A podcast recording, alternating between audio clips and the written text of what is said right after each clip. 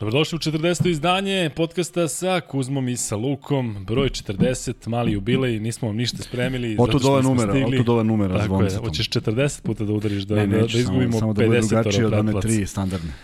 Desi Kuzma, imam da te pitam svašta i pitaću te šta si radio danas i šta ćeš raditi sutra, ali s obzirom na to da je eto mali jubilej, mislim da je red da se ponovo prisetimo nekih lepih detalja, ljudi koji nas prate i svega i svačega. Dakle, za početak e, da se zahvalimo našem sponsoru koji nikad neće zapamtiti ide. Ne, sad na drugoj strani, eto ga. Max Bet. Max Bet, sad Max na Bet. Sad na drugoj strani, a? Jeste. Evo Evo ga. Evo ga. Tako je. Dakle, to su naši prijatelji iz Max Beta, koji su naši prvi sponzori, nadamo se jedni od mnogih. Da se ja zahvalim još jednom Draganu Vidoviću, bez kojeg, koji mi stalno daje podršku u svemu i svačemu, daje podršku i ovome na početku, na našem početku koji deluje da je bio toliko davno, a u stvari je bio 22. novembra. Da, neverovatno koliko je ovaj, malo vremena prošlo. Da. Koliko su se neke stvari promenile, koliko smo krenuli bili sa jednom idejom da bude dva put nedeljno, pa se malo predomislili, pa onda opet nastavili i onda ušli u live prenose koji su očigledno nekako najviše prihvaćeni od ljudi i nekako ne bilo neobično kada smo razmišljali šta za ovu nedelju, da, kako ćemo uopšte da se naviknemo da, da. bude da ne bude live. Ali priželjkivali smo i ti malo da, da pričamo da, solo. Da, koliko god smo yes. bili divni gosti, koliko god smo pa uživali, neko smo se da. uželili. Sada ćemo moći, ali ćemo imati malo više nekih pitanja da ne bude da mi samo pričamo o nečemu što je nama zanimljivo. Da, to je ono što smo i otprilike najavili, jeste gotova sezona i ovde u Srbiji, ali je toliko događaja, eto izašao je danas spisak, imamo da pričamo o, če, o svemu i svačemu, ali ćemo najviše danas pričati sa vama. Hvala vama što su ovi poslednji e, gosti, odnosno ovi poslednji podcasti su bili zaista neverovatno gledani, dakle Vučević koliko sam video je sada na nekih 13.000, Čanak je na 7, to konstantno raste. Mi smo zaista uživali u razgovoru sa tim ljudima, uživali ste vi po svemu što smo videli po komentarima. Ja bih da se zahvalim e, prvo znači Kuzmi. Kuzma je e, neko ko je, e, bez kojeg naravno ovaj podcast ne bi, ne bi mogao da postoji. I ono kada, kada govorite tako, recimo, bili su neki komentari kao previše pričamo o nekim stvarima, ima, ima jedan jako bitan detalj.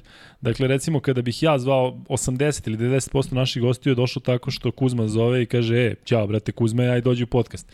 Kada ja zovem goste, koje ne znam, ja kažem dobar dan, ovde Luka Spasovski ispred podcasta Kuzma i Luka, komentator sa Sport kluba, da li biste došli, onda su manje šanse da dođu, tako da ja lično, rekao sam to i Kuzmi, uživam kada kada ima tih nekih priča koje ne može da čuješ na drugim mestima. Dakle, sad Vučević može da, da, e, da ode na sve podcaste i kod svih novinara na svetu, ali ne znam ko može da dođe da priča o bubi koja se nalazi ispred njegovog e, kuće, kamena, i šta je bilo ne znam gde. Tako da e, isto za Čanka naravno autobusi već kakve su priče. Videli ste koliko se Čanak opustio baš zato što što što je osetio um, da je u prijateljskom, prijateljskom okruženju, a to je naravno zbog Kuzme. Ja to je mislim da, da ljudi nisu očekivali Čanka u takvom izdanju. Mnogi Nisam su mi ja, da. govorili, da. da, mnogi su mi govorili da je da je izuzetno i sve to lepo ispalo i njega ne znaju zato što je ipak uh, drugačiji u javnosti i u krajnjem slučaju vidi ga kao trenera, ne može baš da se da se blesavi, ali čovjek koji ima mnogo duha i što je najvažnije pamti do detalja tako neke stvari koje posle ovaj prosipa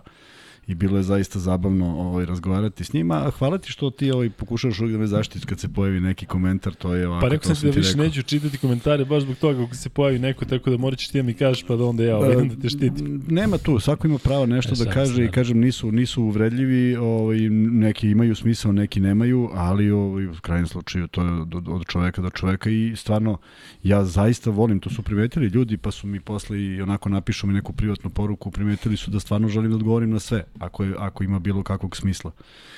Ali ovaj, neki, neki nemaju i ne možemo tu mnogo. U svakom slučaju, kažem, lepo si, lepo si najavu dao što se tiče tih posljednjih podcasta, zaista su bili ovaj, fantastični, a s druge strane mi smo, mi smo imali goste i onda uh, hteli smo se vratiti malo da, da možda da nema nikoga da malo da. pričamo o svemu i svačemu. Sa vama. E, da, treba da se zahvalimo i vama koji ste patroni, da pozovemo i vas koji niste, želite da postanete, tu dobijate neke beneficije kao recimo da možete da pitate naše goste e, pre svih e, da postavite pitanja ranije, pošto mi najavimo to preko, preko našeg Patreon naloga ili već kako to ide, Kuzma time barata. Kuzma e, savršeno barata time. Kuzma, znači, ušao u priču s Patreonima, sa mailovima, Instagramima. Imate naravno naš mail lukajkuzma.gmail.com, tu možete napišete, imate Instagram Luka i Kuzma, tako? Uh, šta još imamo? Treba da otvorimo PayPal. Kuzme bio jedno u januaru bio da otvori da. neki PayPal. Javit će mi kad završi ovaj bank, o, mm, da. karticu. No, A sve tako... to sad nije, sve to sad nije, da. Ja slažem da da treba sve to, ali nekako Ne, naravno. Nekako nam nije to. Znaš kad ovaj, krenemo, kad krenemo da najavljujemo, recimo kada sad da smo skupimo sponzore, da. da, ali dobro, nego u neku ruku je i obaveza tamo dok se ne skupe ljudi u lajvu. Imamo jako bitne stvari sa vama da raspravimo. Dakle, prvo, E, I volao bih da nam sada, vi koji ste tu, da nam pišete baš sada kada ovo kažemo, ali želi bi da nam ovo bude standardni termin i mislimo da ima smisla samo da idemo u live-u, zato što volimo sa vama da pišemo i gosti kada su tu uglavnom budu u live-u, dešavaće se verovatno da neki gost ne može da dođe u 23 sata ponedeljkom i u 21 četvrtkom, pa ćemo ga možda snimiti ranije, ali za sada, Kuzma, to su termini uh, koje bi volili da nam postanu standardni. 9 mi, 9 mi apsolutno odgovara, a 23 nekako mi zavisi od više od ljudi koji očigledno su opet čekali da počne pod, podcast, pa vidim da ih ima. Ima, ima. Meni je, znaš, ja, nekad, ja nekad legnem u 11, ovaj, u tim godinama sam tako da, da ne mogu da kažem da se mnogo toga dešava posle 11 sati, ali danas sad kad sam stigao i kad sam uključio i kad sam pogledao da ima zainteresovanih apsolutno nema razloga da ne budemo, to su noćne ptice, verovatno, ljudi koji nas čekaju i vole da pričaju o ome, poklapa se sa nekim uh, vremenima po Americi gde nas gde takođe ima puno ljudi koji nas gledaju. Prema tome zašto da ne? Ako to odgovara našim gledalcima vrlo rado. Ajde nam pišite malo, da li vam odgovara, dakle da imamo live ponedeljkom, govorimo samo ponedeljku, četvrtak u 21, ajde da kažem zakuca naš termin za live, da li je bolje i da li vama više odgovara da nas slušate i da se sa nama družite u live u četvrtkom u 23, eventualno ili ima, 23, ili ima, ili ima ona opcija koju smo uradili sa Nikolom, to je 3, 3 live popodne. Pa da, ali, ali tebi će ne, tebi ali, će ne, dolaziti ne, ne, pa, posao. Znaš, ali to generalno i nama će biti to, da, i meni, može, meni zbog posla da, i sve, da, da, ali kažem, se, ja sad govorim ovako, lično ovako. da je 23 ponedljak zaista nema šta da se prenosi na sport klubu, tako da. da ja znam da sam slobodan, ponekad umoran, ali slobodan. I, A ja ću se probuditi. Tako, jedan drugo ćemo može ovaj da priča dok, dok, dok drugi tako da, da kažem, ajde da čujemo i vas što se što se tiče vašeg mišljenja. Mi volimo da smo sa vama u live-u, da delimo free betove, da pričamo sa vama i kad smo već kod toga, Zahvalili smo se svima, da se zahvalimo naravno i sport klubu koji nas je spojio, da se zahvalimo Srđanu, našem drugaru Srkiju Ercegu, koji, čiji je ovo studio sa kojim je jako lag dogovor o bilo čemu. Da se zahvalimo Vanji koji je postao deo, ajde da kažem, naše trojke, čućete ga posle pa će da objasni gde misli da vodi na večeru zato što je Golden State pobedio, a on je uzeo Boston, ja Golden State ko prati zna o čemu se radi, pričat ćemo naravno sa Vanjom, ima e, mnogo toga da se priča zato što je gotova sezona, imaš nešto Vanja sada kažeš uspet, nemaš? Ma, nema, nema, Vanja se čuva za, za kraj emisije. I hvala naravno vama E, ne možemo da vam opišemo kakve osjećaj kada ovakvu interakciju imamo i e, recimo ono što što meni dosta znači zašto ponekad od vas tražim da nam kažete odakle ste, zato što sada već dosta vas mogu da prepoznam naravno i po nadimku i onda kad povežem iz kog ste grada, to je zaista dobar osjećaj da, da, da možemo da komuniciramo uh, bukvalno kao, kao da ste naši. Ima tu dosta imena koji su sa nama od, od samog početka, ima dosta onih koji se to jave pa kažu prije, prije počeli smo od 22. 25. ili već kog podcasta, eto stigli smo do 40. Kada bude bio 50. onda ćemo deliti sigurno neke nagrade, a sada bih samo na početku malo da pročitam i eto e, neke vaše, ajde da kažem i pozdrave ili bilo šta. Dakle, Miki K je prvi e, poslao poruku pre nego što smo počeli, da li očekujete Nedović na spisku kandidata za EP, to ćemo ovaj, sve kasnije. Joce isto pita koja je pozicija ključna za večiti, to ćemo kasnije. Veljko kaže, hoćemo li krenuti? Nikola Stojanović iz Time, vidim da ste nestrpljivi. Pozdrav od Crnog grobara, Crni grobar je redovan i uživam zaista sa tom. Crni grobar, ti si bio u pravu, Crni grobare, bio si u pravu ovaj, za, za Efes i Fenerbahče, ja sam, u, ja sam zaista mislio da će Efes kao prvak Evrope da, da, da pruži taj bolji otpor Fenerbahče, odnosno da će da pobedi, da će Fenerbahče da pruži otpor Efesu, ali eto, prevario sam se. E, sada nam već ovde šaljete ko nosi broj 40 i uskoro ćemo se baviti time, ali hajde prvo da pitamo Kuzmu gde je bio danas i gde će da ide sutra. Uh, da, jutro sam otputovao za Sarajevo i da bi pristupao jednom za mene divnom događaju, a to je uh, šesta utakmica po redu reprezentacije Srbije košarkaša u kolicima koji smo igrali protiv Mađarske i ostvarili smo eto i, i ovaj, jednu najubiljiviju pobedu koju ćemo verovatno upisati onako zlatnim slovima. Pobeđena je Mađarska 83-24.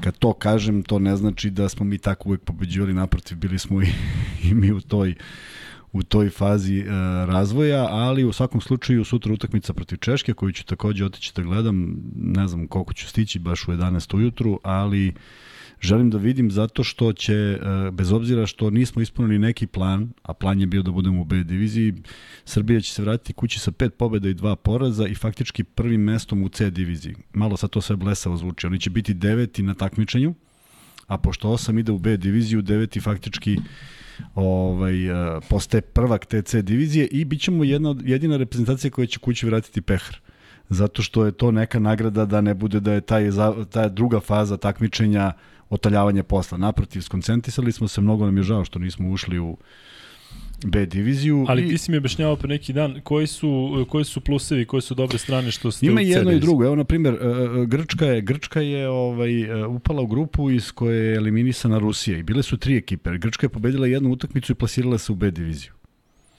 I izgubila sve tamo. I to ozbiljnom razlikom. I oni se vraćaju kući sa 1-6 ili 1-5. I to je veliki, veliki udarac, bez obzira što su oni u B diviziji. I ja iskreno ne bi ni voleo. Mene, mene mi plašio sa, uh, susret sa Turskom. Turska je, Turska je sve ponizila, jer je to tim iz A divizije i zaista su spektakularni. Uh, tako da smo našli, ne samo našli da smo, da smo smisli, nego, nego vrlo je logično. Uh, da smo se plasirali u B diviziju, naše sledeće takmičenje je za dve godine.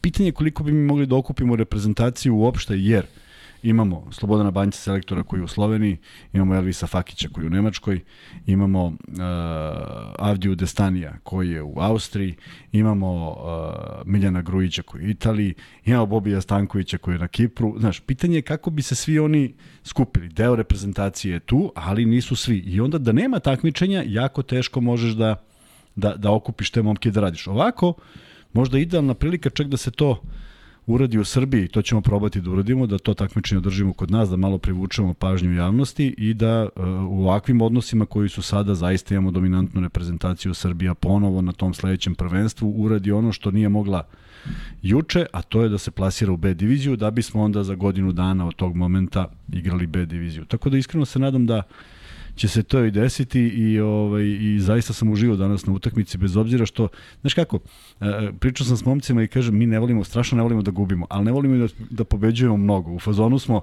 e ne moramo baš ovoliko. Međutim e, imali smo susreta sa reprezentacijama koje ne, nas ne štede uopšte tako da ovaj, trebalo, je, trebalo biti fokusirani neverovatno kako su drugi, druga petorka faktički reprezentacija kako je reagovala dobro i kako su odigrali jedno izuzetno polovreme. Prema tome mnogo pluseva jer na ovom prvenstvu mi imamo ocene, to je svako prvenstvo donosi igračima ocene, imamo ocene uh, Nemanji Vukašinović, imamo ocene uh, Lazaru Makul, Makuloviću i imamo ocenu Nemanji Tadiću. To, su, to, to je vrlo bitna stvar da su oni dobili ocene i sad su rangirani, sad mogu da nastupaju u klubskoj, u klubskoj uh, u, u svojim klubovima sa ocenama koje su vrlo bitne I mnogo mi je drago što je što je sve to tako ispalo. Sutra je završni dan, uveče im je neka proslava, ali ja idem samo pogledam utakmicu pa se vraćam. E, Kuzma, ajde malo da ispromovišemo to u smislu kada je sutra utakmica? Sutra utakmica je 11 i, I ima, ima, da ima, pa ima na YouTubeu, sve, sve su utakmice prenošene. Ali šta ovaj. treba ljudi da ukuse da? E, to je jako komplikovano, znaš, stvarno. Pa čaba onda ako ima pa na YouTube. ne, ne, mislim, jako je komplikovano da ti prenesem, na primjer, na primjer IWBF je federacija, IWBF, pa ima IWBF Europe. I tu bi trebalo na YouTube-u da izađu Ajde mi ćemo na Instagramu našem kasnije Neko ćemo da, da objavimo, da, da, da neki link. Ali ćemo na, možemo stavimo link u opisu videa. E, evo može, ga Vanja, može, viš da. nije hteo malo može. pre kad se pričalo veče da se javi, evo ga sad zna nešto oko opisa tu. Da se... Može, eto tako ćemo da ubacimo čisto da se vidi, a, i, a, zaista mislim da mogu da se nađu ove sve utakmice, nije to nešto mnogo teško. Ajde samo da ne zaboravimo, ko što smo utro zaboravili da stavimo ovde, ali dobro. Eto, e, teo sam da niko ne primeti pa da se pojavi. Pa, da, ali ne znam kako si mislio to što ovaj, pa ti kao nešto pričaš, ja, ja, ja si iskrad. Kad je kraj podcasta, ja? E... U svakom slučaju treba treba treba obratiti pažnju na te momke, zaista spektakularno izgleda to kad igraju i ovaj i i mene je to privuklo još pre 5 godina kada smo kada sam krenuo u sve to, a sada sam onako samo više kao podrška i eto nije mi bilo teško iako je stvarno put nenormalno nenormalno dug i nenormalno mnogo vozila i sve je nenormalno tako da E, evo imamo pitanje od Veljka Ilića. Kuzma, može li e, kratko koliko traju utakmice u košaci u kolicima i da li to sude sudije koji imaju posebnu obuku za to ili to sude i ove regularne sudije? Ne mogu da sude regularne sudije, sude sudije koje su obučene za to zbog toga što su e, pravila pa ne mogu kažem ista, ali ima, i postoje potpuno identični nazivi za sve što se dešava na terenu i znam da mnogi neće verovati, ali ne postoji ni jedno pravilo koje olakšava igru košarke u kolicima. Naprotiv, Igra se sve standardno, 4 puta 10 na visini koša, trojka je udaljena, koliko je udaljena i još jedna otežavajuća okolnost, nikako ne sme da se napusti teren. Dakle, igrač u kolicima ne sme da izbegne svog igrača tako što će izaći u teren jer je to opomena pred tehničku grešku tom jednom ili generalno sad drugi put kad neko to uradi, tehničko dobije Tehnički ide, da, da, zato što je neko izašao. E, sad, uh, uh, uh, treba pogledati zato što je jako fino regulisano. Imate centri, imate bekove. Ozbiljno teške povrede, sve više prema vratu, su obično kečevi u kolicima. A amputacije su 4,5. I sada da skratim šta je između, između 1 i 4,5 su sve ostale povrede. Ali na terenu sme da bude samo 14 bodova. Znači, ne možeš da ubaciš, ubaciš ti pet igrača od 4,5 visokih sa 2 metra, nego to mora bude bek, centar, krilo, dakle sve kao u košarci. I ono što je vrlo bitno, ne postoji igrač koji tu može da dominira ako nema saradnju svih igrača. Prosto ti momci koji čiste, samo zamislite one ljude koji vole NFL kako čiste kvotrbe u onom trkaču, kako mu čiste prostor, e isto tako izgleda košaka u kolicima. Čovjek dribla, da, kao neki blokovi uspred. A oni ukrštaju i samo sklanjaju ljude koji da. pokušavaju da igraju odbranu. Mislim, zaista spektakularno, naročito na nivou koji mi polako postiž, po, postižemo. Ovo, jer kažem, mi pripadamo faktički B diviziji, ovo je samo nesečna okolnost, nama je u grupu upala Slovenija koja se četiri godine spremala za ovo prvenstvo i baš u našu grupu, mislim, mogle u bilo, ko, u bilo koju bilo bi nam lakše da prođemo ali kažem, uskoro ćemo igrati na tom nivou i nadam se da će biti ovaj, uh, idu neki pregovori da bude ABA 2 liga vezana za to. To, to bi bilo izuzetno, zato što bi se igralo u tim balonima, ako se ABA 2 bude igrala kao baloni, onda bi se igrala i ova košarka i bilo bi podjednako praćeno i išao bi prenos na nekoj televiziji. Kuzma, poslednje pitanje u vezi ove priče. Šta je potrebno da reprezentacija Srbije u kolicima bude približno dominantna kao uh, Srbija. Šta je uh, tu? Je tu novac? Je li tu da se više ljudi animira? Jako, jako je to teško. Druga? Jako je teško. Evo, ako ću, ako ću najplastičnije objasniti. Mi kvalitet crpimo iz 16 igrača. Da, 16. Možda i manje. I zaista smo naj, najviše rangirana zemlja sa najmanjim brojem košarkaša. Prvo, mi nemamo pristupačnost tim ljudima, tih ljudi bilo kom delu života ne mogu da uđu u bioskope, ne mogu da uđu u institucije. ne dakle, mogu kompleksnija priča. Mnogo tako da- kompleksnija. Mi ih ne vidimo. Mene čovjek pita na Dorčelu, pa šta ovde na Dorčelu sigurno nema ni jedan. Ne mogu da kažem da je poražavajuć podatak ili ne poražavajuć, ali e, osoba sa invaliditetom ima 10% u svim društvima, u svim gradovima. Sad izračunajte koliki je to broj. To što ih mi ne vidimo je naš problem. Um, u Britaniji ima 18.000 registrovanih košarkaša samo. Mislim, to je, to je nadrealno, ali oni imaju pristup svim teretanama, svim salama, svuda vežbaju, svuda se kreću, sve je normalno. Prema tome, treba malo, malo, malo, malo neke strategije, nije lako rešiti ovaj problem. Ne možeš da uvučeš nekog u kolice i kažeš aj sad igraj. Mnogo je teško savladati kolica, mnogo je teško postati igrač u kolicima. A, možda budeš osoba koja sedi u kolicima kao što sam ja kad sam trenirao s njima. Stvarno, ja sednem i vrtim levo desno, ali uopšte ne idem tamo gde želim. I oni mene svi šetaju, jednostavno treba ti mnogo truda, napora da bi savladao tu neku tehniku, a naročito izbačaj, izbačaj lopte koji mi, mi smo navikli da šutiramo iz nogu, a noge tu ne služe mnogo, faktički nemaju nikakav, nikakav učinak. I zaista jedna divna priča koja je toliko kompleksna, a u suštini vrlo jednostavna i ono što je najvažnije, nećete naći te momke ovaj, da, da su u nekom u nekom negativnom raspoloženju, ne, nego su jednostavno ljudi koji tamo uživaju, daju sve od sebe i pobeđuju, pobeđuju sve što mogu da pobede i zaista mi je drago što sam deo toga i nije mi bilo teško da odem jer zaista sam uživao. Mislim da ćemo i sutra uživati kada budemo napravili tu petu pobedu. To znači da smo faktički počistili celu C diviziju i sve utakmice pobedili. Dobro, Kuzma, prelazimo sada na ove dnevne stvari, a nema ništa dnevnije od titule zvezde u Ima dnevnije, uh, samo nisi da, da otvorimo, molim te, pošto ipak ima jedan čovjek koji zaslužuje da ga spomenemo sa brojem 41. Ove ostale ja, si može. posle mislio da, da pitamo publiku za free bet e, ko nosi 40. Pa ne, tako ovaj jedan ne možemo. Pitaćemo neke drugi, ali ovaj jedan je ipak ovaj zaslužio jer je stvarno bio... To Kuzma bio... radi. Kuzma kaže, hoćeš da posle pitamo za ovo, ja kažem, ajde. Ajde, stvari, ajde, stvari batali to je. Ajde, kaži, Aba NBA 40. e, pa da. Priči, ko? Pa ko je? Pa je, jedan jedini, nema Sean ih Kemp. mnogo. Pa da. Pa Ima ih, je nije da ih nema. Nije, nema ih. Nema Sean Kempova, ima, ima nekih, ima Dino Rađa. A što ti voliš Sean Kempa kada je on sve suprotno od onoga što ti ovaj, gotiš Nije, za nije, on je kucavanja? bio, ne, ne, ne, on je bio potpuni ludak. Ne znam da se seća neko, ja kada sam odrastao, bila je video kaseta sa pesmama za te neke igrače. Sećam se bio Alonzo Mourning, Shaquille Ma svi O'Neal, su LL Cool pevali, J. da. Pa je onda bilo za, za Sean Kempa je bio Pearl Jam. Znaš to? Ne. Ne znaš? Mm. Dakle, to je bila fenomenalna pesma gde su njegova kucanja i zaista možda i od svih tih pesama na toj video kaseti. Eto zašto moram da ga Jams. spomenemo, vidiš. Eto vidiš, a dobro, ti zbog Sjetla i ovih tvojih tamo Ma, ekipa, pa jasno, to je Građa tako, i da. Građa i Građa. Ne, stvarno i je bio spektakularan i Jeste. nije, nije bio jednosmeran, nije čovjek koji je samo zakucavao, zaista njegov atleticizam i, i njegova brzina i njegovo vođenje lopte i njegovo sve je bilo ovaj, nekako spektakularno i za ono vreme potpuno Jeste. neverovatno. Ima neka priča da Sean Kemp ima otprilike vanbračne dece Koliko koliko, hoćeš, da. koliko ima je broj otprilike. Pa da, da. moguće. Ali uh, Harrison Barnes je nosio uh, 40 Dobro. Haslam Dobro. 40. Dakle, Adonis Haslam, Tyler Zeller, Luke Zeller, braći su nosile po 40.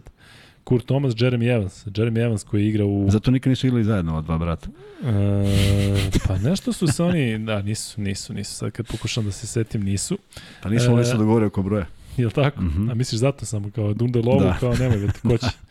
E, Kuzma. Zvezda. Zvezda je uzela e, triplu krunu drugi put za redom. Možemo da pričamo koliko hoćeš i o košaci i o svemu. Ajde, kratko ta serija protiv Mege e, u polufinalu, pa onda serija protiv FNP-a u finalu.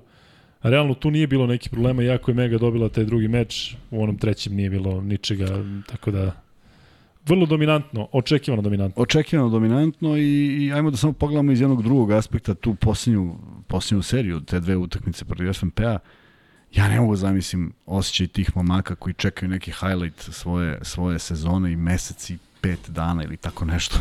čekaju do prve utakmice posle utakmice koju su odigrali pre meseci nešto. A dobro, i Zvezdi i Partizan su imali toliko Ma pauzu znam, pred. ma, ja se slažem, ali ovi su imali još veću. Da. Dakle, oni su imali i, i onda ne, se ne desi ni polufinale, pa je ta pauza još veća.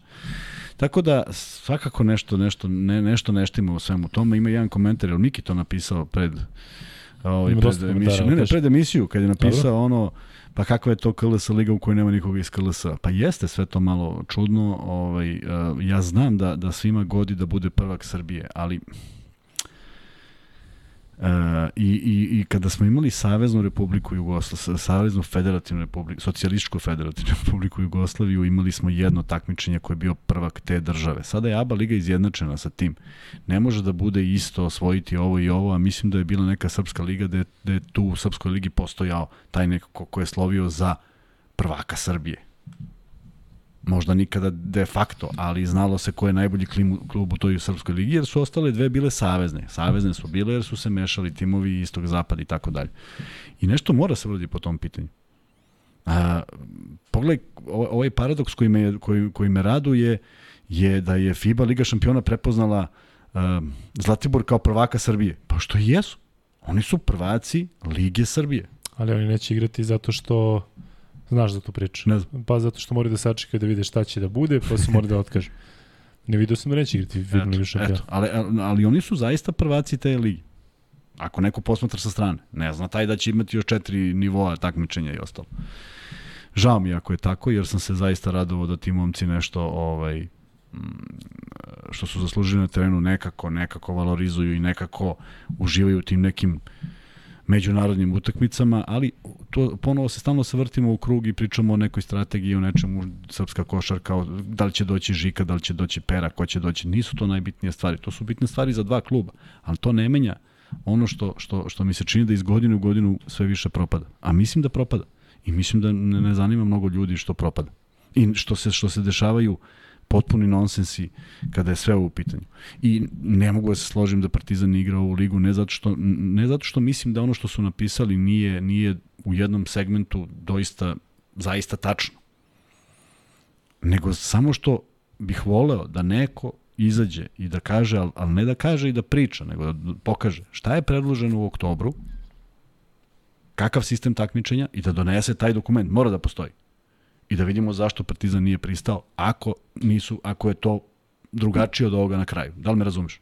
Razumem te, ali A ja mislim da 10 da godina... se dešavalo umeđu vremenu. Ma slažem se, ali 10 godina e, se, se ad hoc pravi završnica.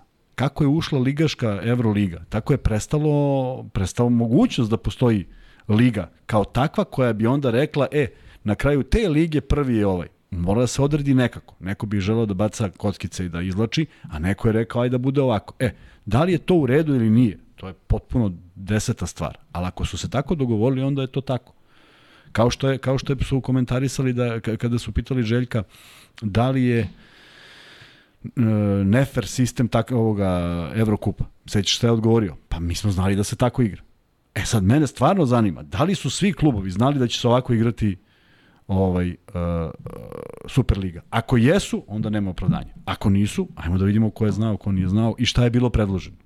A Kuzma, da li stvarno, e, ajde, pričat ćemo konkretno o tom potezu Partizana sada iz ovog ugla o tom odstupanju. Ja mislim da je to e, čak imalo smisla, zato što mislim da niko od nas nije imao snage da opet u KLS u tri dana da, posle gleda. Tako je, ja i kažem, ali, na stranu ali, što su u tom ali, segmentu u pravu. Ali znaš šta smo pričali i ti ranije, pa si ti rekao da su oni, što to ranije nisu rekli, ali Partizan je pokazao stav prema KLS-u kada nije slao svoje predstavnike na neke sastanke, na neke okupljanje, dakle oni su, nisu rekli da jednom samo KLS nam se ne sviđa sve, oni su ranije stavili do znanja da im smeta. Vrlo moguće, ajde da vidimo šta je uzrokovalo to? Pa nije bilo vremena da se sada priča o tome, zato što je bilo mnogo aktualnijih i bitnih stvari. I ti znaš da je prvo pitanje, prvo pitanje, jedno od pitanja za Željka Bradovića na kraju je bilo hoće li Partizan igrati klasa, zato što su to manje više svi znali da, da nekako možda nije sigurna stvar. Čak sam ja verovao da će biti, ali znaš da su ga pitali posle ove serije da li će Partizan igrati klasa, on je rekao ne znam.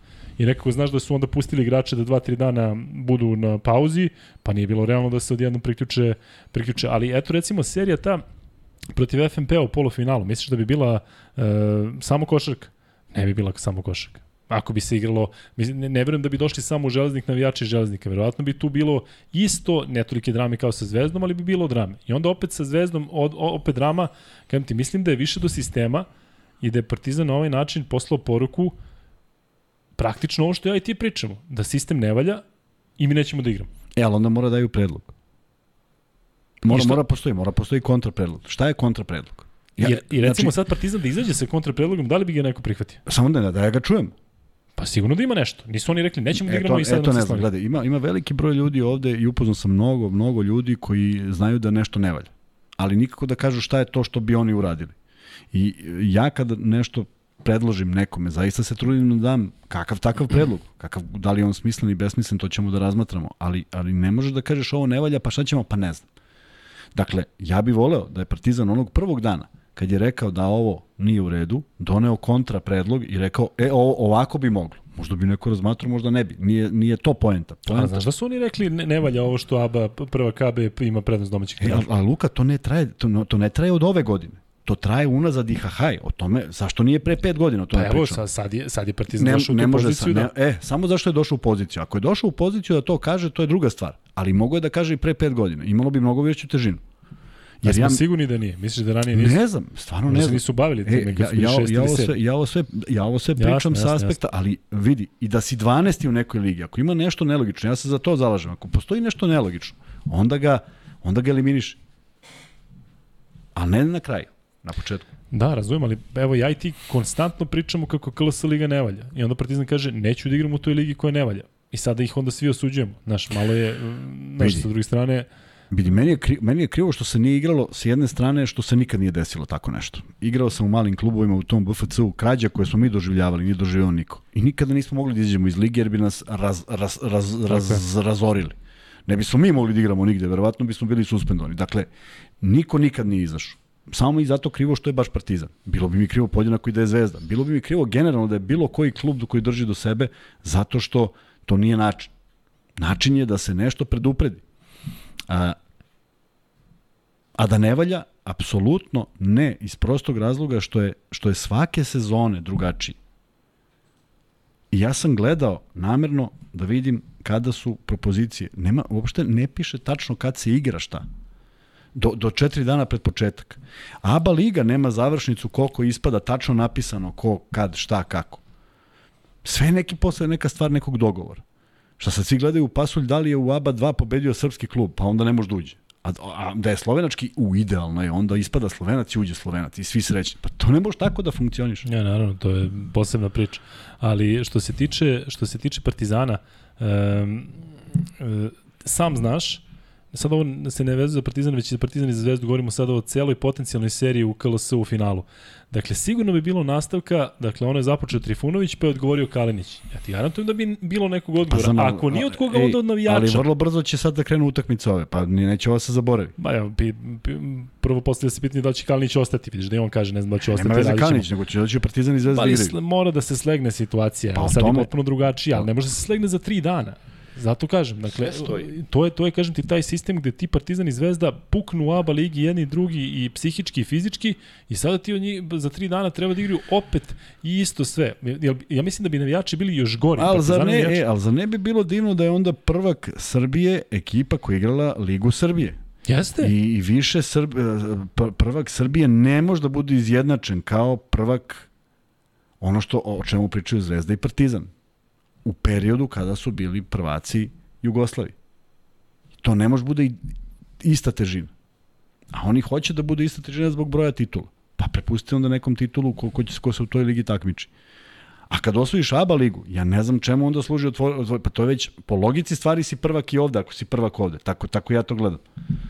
Da. A postoji stalno neka borba za, taj, za te trofeje za koje inače svi, i to, i to isto ne volim, pa to ne vodi niko. Trofej je trofej. Evo, ovi, ovi momci će verovatno i sutra, ako pobede tu utakmicu, dobiti, dobiti pehar. Ej, imaće, stavit, stajaće pehar u vitrini, znači za nešto su se borili.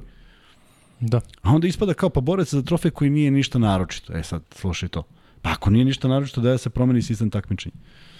E, možete da postavljate pitanja već sada, vidim da ih ima dosta i izvinjavam se ako ću neka propustiti, posebno tako kada ima, recimo, vidio sam pitanje da će nastaviti karijeru Đorđević, pa ćemo onda morati malo da skačemo sa teme na temu, ali hajde još malo da se zadržimo na ovoj domaćoj ligi i na tome što će Partizan i Zvezda naredne godine igrati Euroligu. Ajmo se zadržimo na nečemu čemu sam razmišljao ovih dana. Ajde, da znam, nečeg, pa prvo da vidimo šta si razmišljao. Da vidim šta sam razmišljao. Ajde.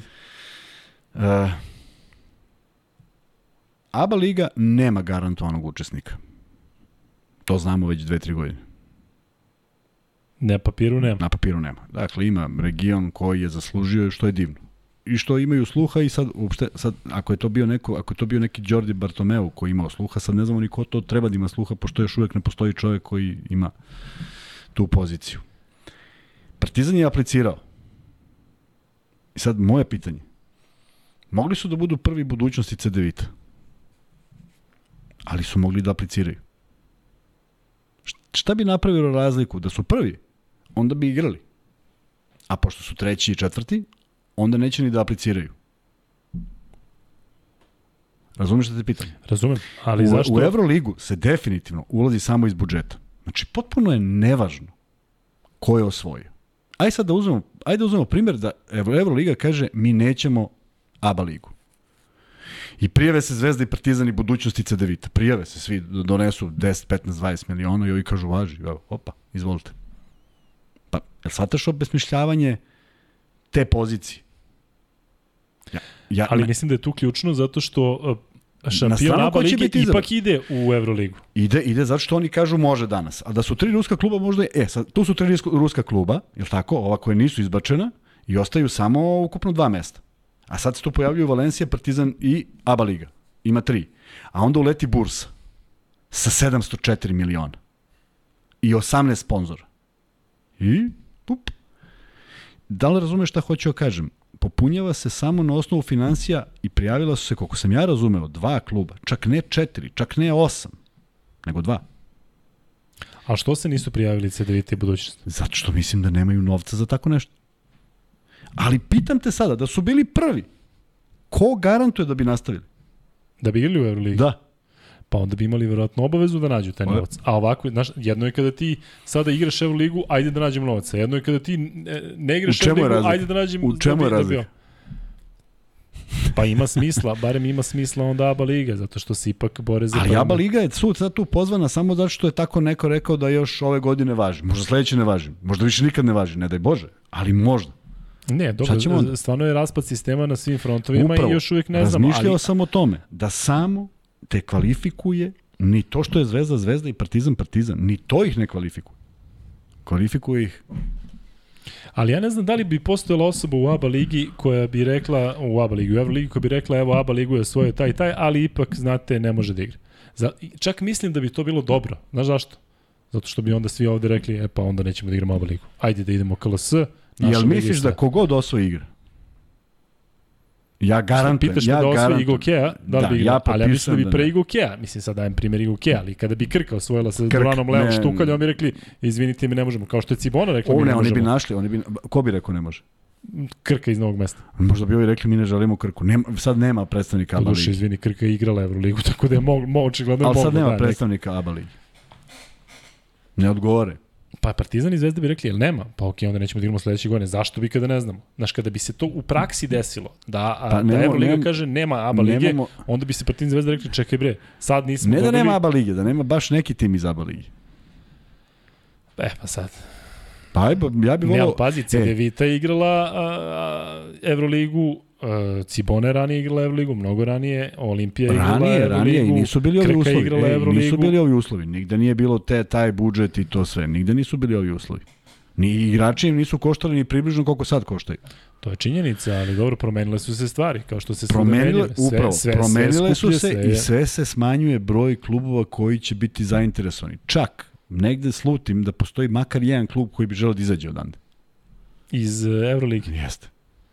Pa dobro, verovatno zbog nekih odnosa, ako, ako misliš na Panathinaikos. pa mislim, na primjer, njih. Oni bi najradije izašli. Da. A ne mogu da izađu. Znači, to je sad jedan začarani krug. Jedina, jedina, jedini ulazak ti je financije. Ne i gde igraš, ništa više pitanje zaista je negde pitanje... Ne, ali ima, ima i dvorana, ima i neki što aerodrom, znaš da ima nekih, nekih I, i, e, pa dobro, čekaj, bilo je Tenerife, kako sam ja razumeo, Tenerife ne može da igra zato što treba od Frankfurta 3 sata ili tako nešto, a Moskva je onda bila 5 sati, pa se igralo, haj, može, ajde kad su već tu. Znači uvek se nađe neka rupa za nekoga ko je interesantan ili ko da. donosi da. više novca, nije to sporno. Ali je sporno što donosiš neka pravila kojih se ne pridržavaš. Sve o svemu, hteo sam da kažem da je jako malo, mala navala na Euroligu Iz prostog razloga što ovo što sad Zvezda i Partizan rade, e, faktički mora da ih dodatno ne samo motiviše u onom sportskom smislu, nego moraju da budu da budu što bolje da bi makar na neki način pokušali da zadrže to mesto. Da, razumijem. Jer ako ne zadrže, to je onda jedan, jedan, ovaj, jedna godina. Znaš šta meni iskreno najviše smeta u celoj ovoj, e, toj, e, baš, baš to što pričaš, dakle, da najskuplji, najbogatiji klubovi igraju. Mislim da će se obesmisliti Eurocup. Jel ti kad pogledaš pa, Valencija, da. Virtus i Partizan, koji su bili favoriti, imaš Lokomotivu Kubanje koja više neće igrati, a znamo koji su timovi... I oni su ušli, tako. Ja ću uživati da gledam Eurocup, ali se plašim da će u dvoranama biti malo ljudi i da će Vrlo biti moguće, malo... Pa, Posebno sad kad nema je. naših timova. Meni to recimo smeta iz, iz ugla Srbije. Mi nemamo ni jedan tim u Evrokupu. To je pravi dokaz da imamo samo Partizan i Zvezdu. Znači Partizan e, igra ovde, Zvezda ovde, imamo ta dva kluba, e sad ih imamo gore i nemamo nikoga da nas predstavi u Evrokupu. Nemam. A ja bih toliko volio da recimo jedan borac iz Čačka igra. Ne znam da li je sada fizički moguće u smislu da li oni ispunjavaju uslove za Evrokup, ali zamisli da borac iz Čačka igra Evrokup. Da im dole dođu neki Svaka, svaki pro, al, vidi, svaki prolazak koji ima i naravno sportski prolazak koji ima, on ima smisla i on te, on te onda rukovodi šta dalje. Ovako, o, lepo si rekao, ovako, sad mi kao nismo se plasirali, ajde, ajde da apliciramo, pa neće ni oni. Nema znaš šta je tu, izvini, znaš ti šta je tu u stvari glavni problem? Što si opet ne znaš šta je FIBA, šta je Euroliga. Evo sad taj Prometejer je igrao FIBinu ligu šampiona, pa će sad igra Eurocup. Pa odjednom dolaze neki London Lions i Engleska i Velika Britanija dobiju mesto. Dakle, ne zna se više uh, raskol između FIBE i EKE ili kako se zove EKA, Euroligije. Dakle, više ne znaš ko prelazi gde, ko će da igra. Vamo sad pazi Hapoel, I, pa i oni se rukovode nekim... Ko igra? Hapoel Jerusalim igra... E, pa i oni se rukovode nekim finanskim interesom, tako? Pa da, ali uh, vidiš recimo Bamberg, Unikaha, Galatasaray, oni su potpisali, ja mislim, bio ili ugovor sa Fibilom ligom šampiona na pet godina. Ti barem znaš da si tamo. A ovo šetanje, ali aha, sad ali ima neki više, fina, pa ali mora da ima neke financije iz toga. Sigurno, sigurno, pa da, sigurno. To kažem, neko izabrao, neko izabrao ovaj, koji, kojim putem hoće da ide i kako hoće, koliko para hoće da da za to. Bamberga nema na vrhu Nemačke, a bio je jedan od najboljih nemačkih klubova. Jednostavno su rekli mi ćemo ovo i tu se, tu se prostiru. I ovi sad daju dobar novac, idemo tamo. Da li ćemo da igramo Euroligu, nije ni to sve, nije ni to sve u životu. Najidealnije bi bilo stvarno što ti kažeš, u ligi jednoj recimo španskoj, četvoro ili troje idu u Euroligu peti, šesti tako je, kao futbol. sedmi, osmi u FIBA ligu šampiona, deveti i deseti idu u FIBA Evrokup. Tako je, to bi imalo smisla. Ali ovaj, opet je tu FIBA i EKA, sam znaš u kakvom su odnosu. Tako da svuda imamo te raskole. Svuda i sve ih je više, sada znaš, ovim. sve ih je više, da. I, i, i sada ti ovo što si rekao, istupaju tri ruska kluba, ulaze tri najbolja kluba i po imence i svakako i organizaciono i po tradiciji iz Evrokupa i ti si ogolio Evrokup kako neko da ih zameni, kako neko lako da ih zameni. Buće neke tri ekipe, ali to ni približno nisu ni, ni, u, ni u kom smislu takve tri ekipe koje mogu da, da ovaj, povećaju kvalitet, a ne smanjuje se broj ekipa.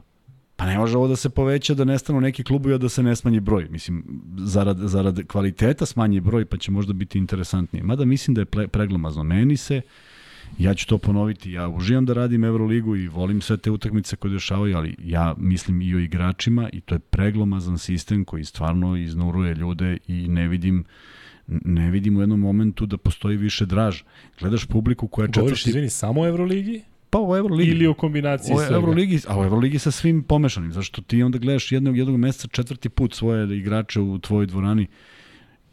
Prvo, finansijski treba sve to da postigneš, drugo, nemaš onaj, onaj, onaj naboj koji je bio dolazi Real, pa o tome malo pričaš neko vreme, nego danas Real, sutra ovaj, preko sutra ovaj, ovde si izgubio, ovde si pobedio, više niko i ne pamti. Više, znaš, jako teško ljudi pamte neke detalje sa utakmica, mora se pristitiš kada je bilo ono bilo u tih mesec dana pet utakmica.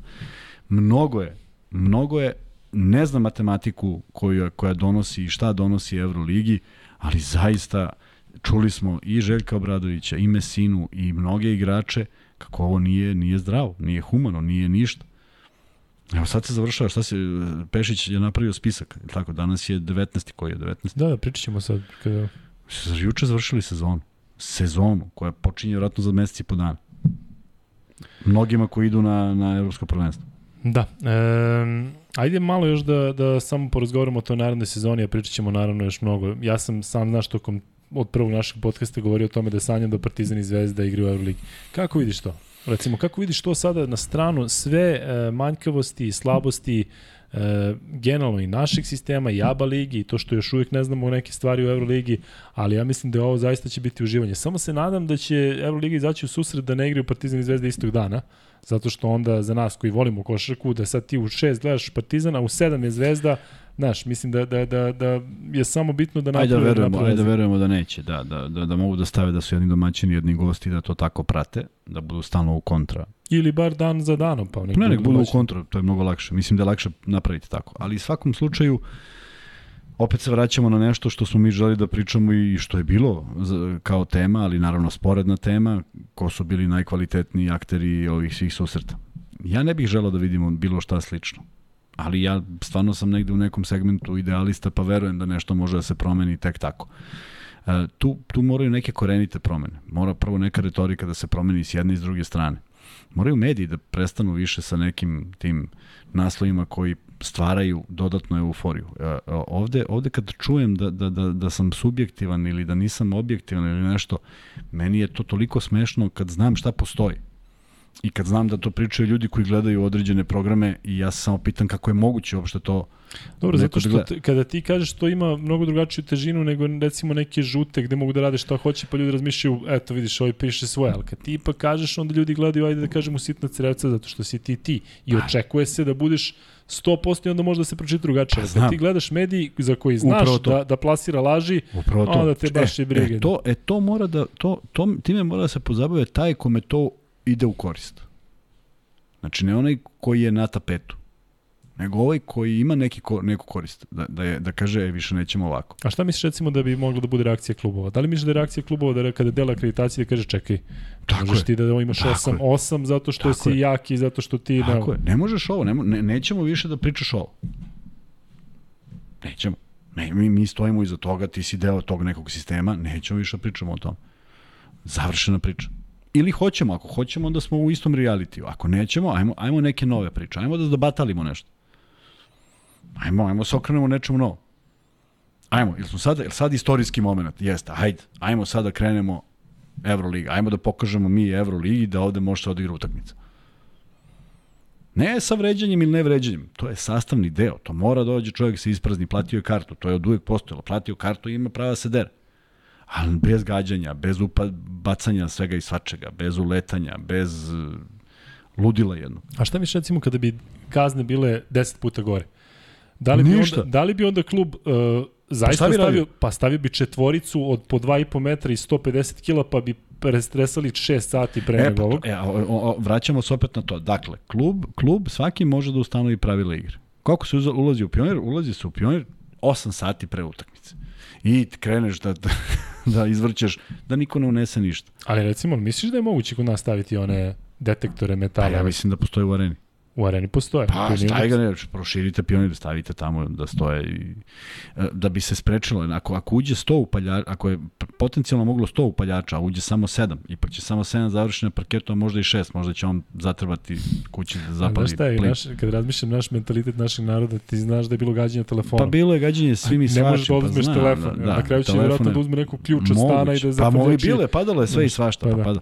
I, e, Naj, najspektakularnije, kad sam bio klinac 91. na, na Cetinju je pala kegla za kuglanje. Ona, čunj. To je bilo genijalno. Znači, ja ne znam kako, kuda, je proletao, to je tako puklo. Vjerojatno neki išao sa kuglanja, Ne pa znam, ne, ne, ne mogu, uopšte ne mogu da zamislim. Dobro da nije kugla za kuglanje, da Kugla, neko nije kugla, poslao da. zato što je bilo strašno. Kuzma, da pređemo na... Samo, samo da završim. Ajde, Želim da, da gledam te utakmice, želim da ovde bude crveno, ovde crno i želim da, da, da, da svi doživimo taj neki spektakl, ali bre, da, da, da, da pričamo o utakmici, da, da, da ne bude hiljadu. Naravno da će biti nekog prozivanja što je uvek bilo, ali to je sastavni deo. Samo što se to prozivanje nekad dešavalo tako što idu dvojica na stadion Zvezde ili Partizana i sedne jedan pored drugi jer im tako pale karte i onda jedan drugog ovaj, u zavisnosti ko pobeđuje maltretiraju. Ali to je, to je negde, negde izgubljeno. To je sad, uvek smo na nekom ludačkom nivou. A pazi, jedno o, o sada totalno opšte pitanje.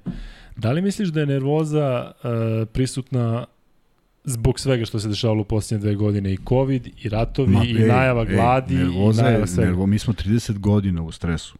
30 ozbiljnih godina.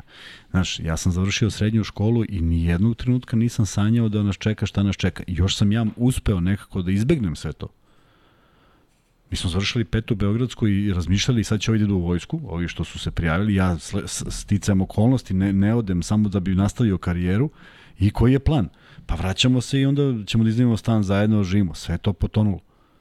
Ušli smo u nešto što nismo mogli da sanjamo. Iz jednog prilično lagodnog života. Mi smo svi bili neka srednji stalež gradski.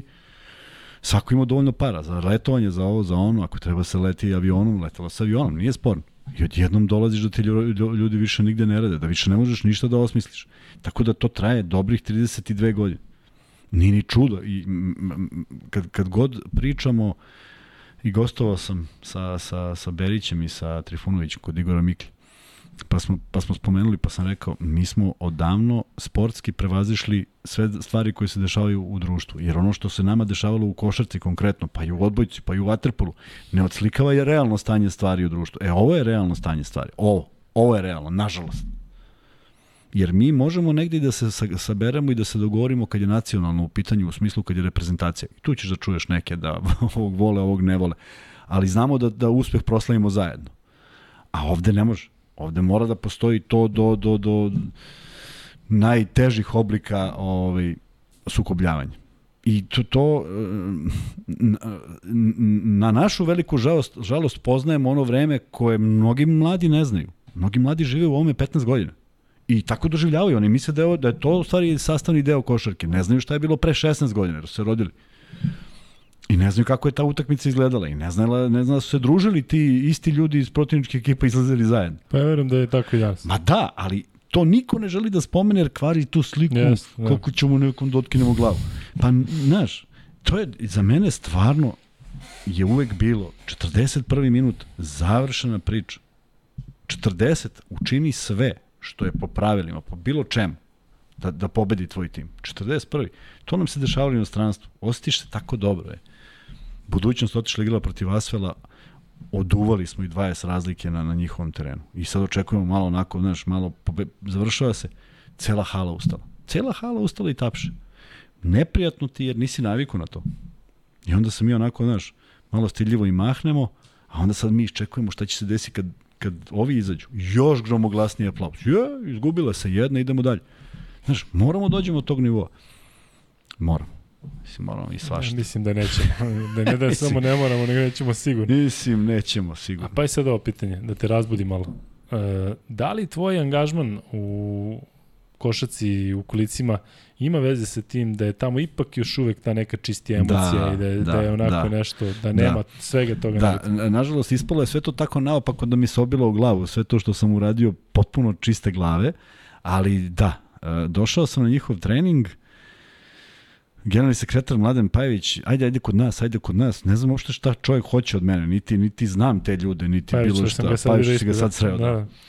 I, ovaj, I ulazim i oduševim se prvo neviđen smisao za igru. Neviđen. Znači, taj pick and roll, gde završi lopta. Znači, nije ti jasno gde kolica od metari 20 prođu.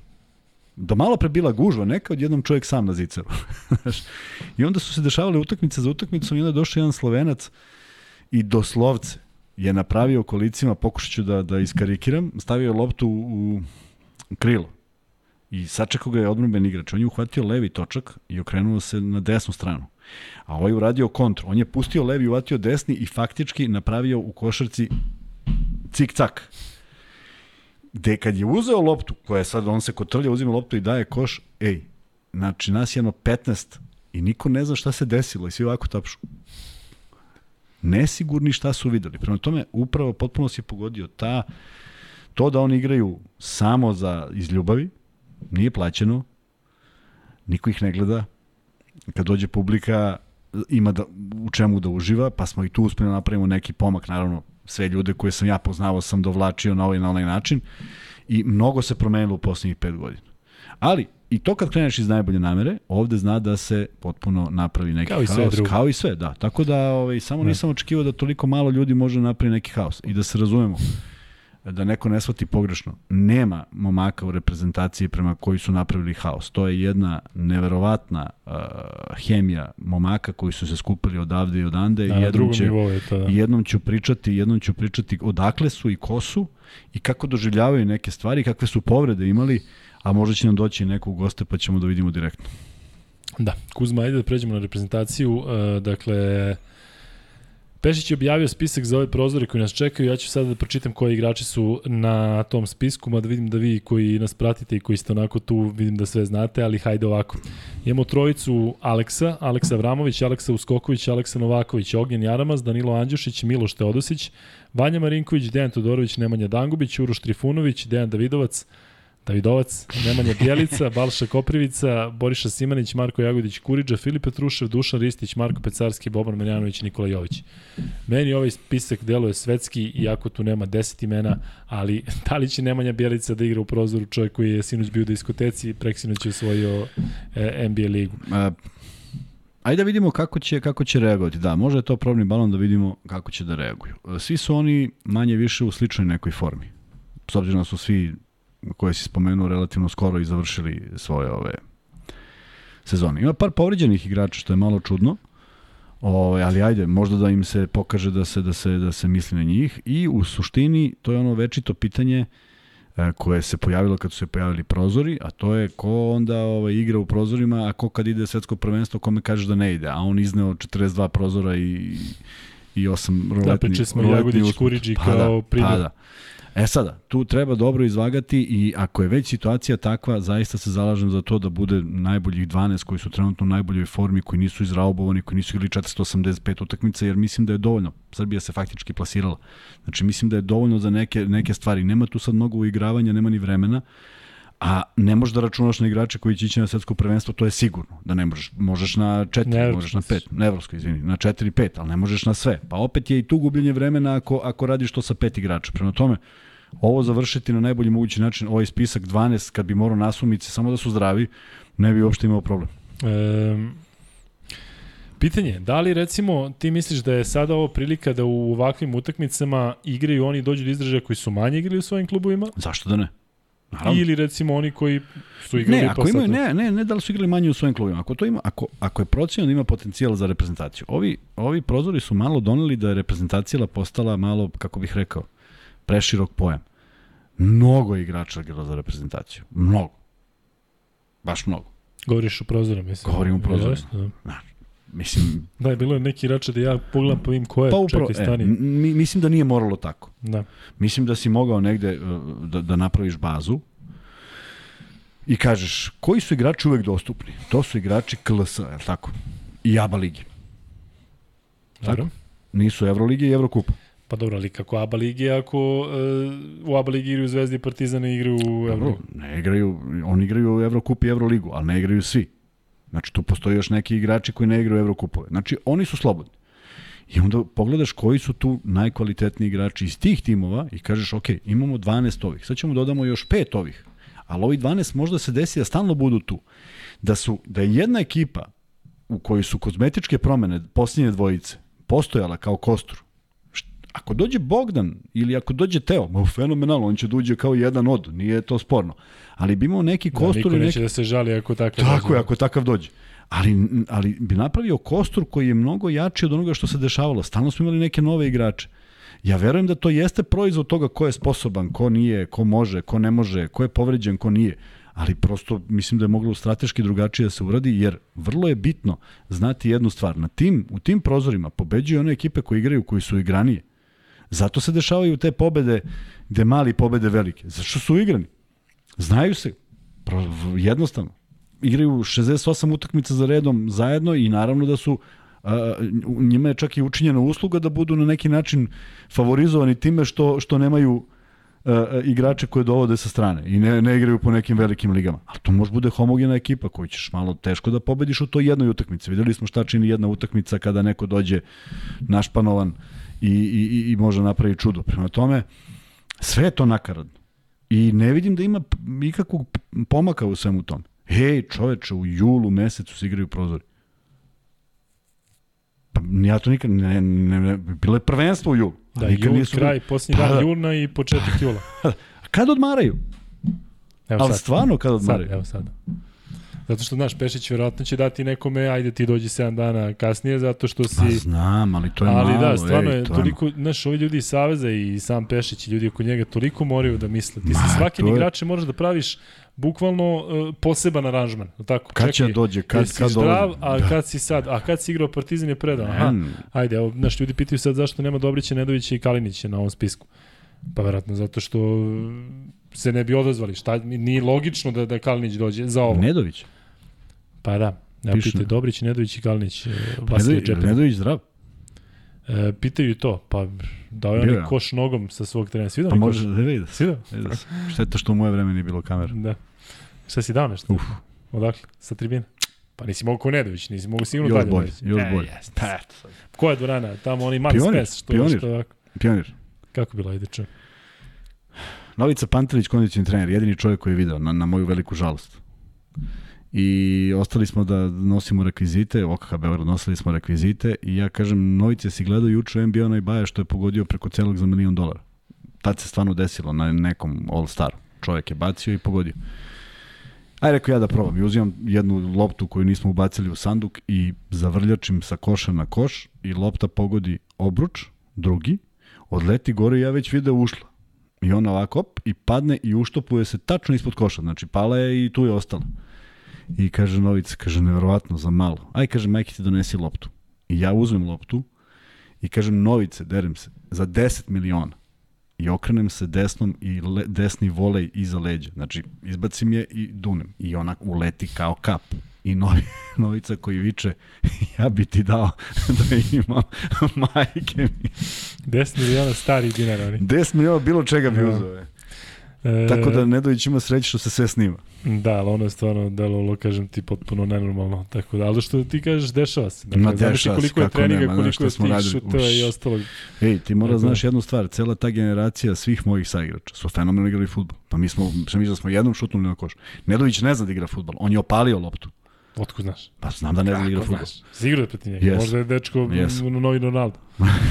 Nikad ne znam. yes. Pa dobro, ali Sigurno. time koš dobija dodatno na težini. Do, a, ti ako nemaš da, osjećaj, pa pukneš Pa da, ali hoću ti kažem, ovi, ovi, ima čoveka koji namesti šutne i da, to je, to je point. Da.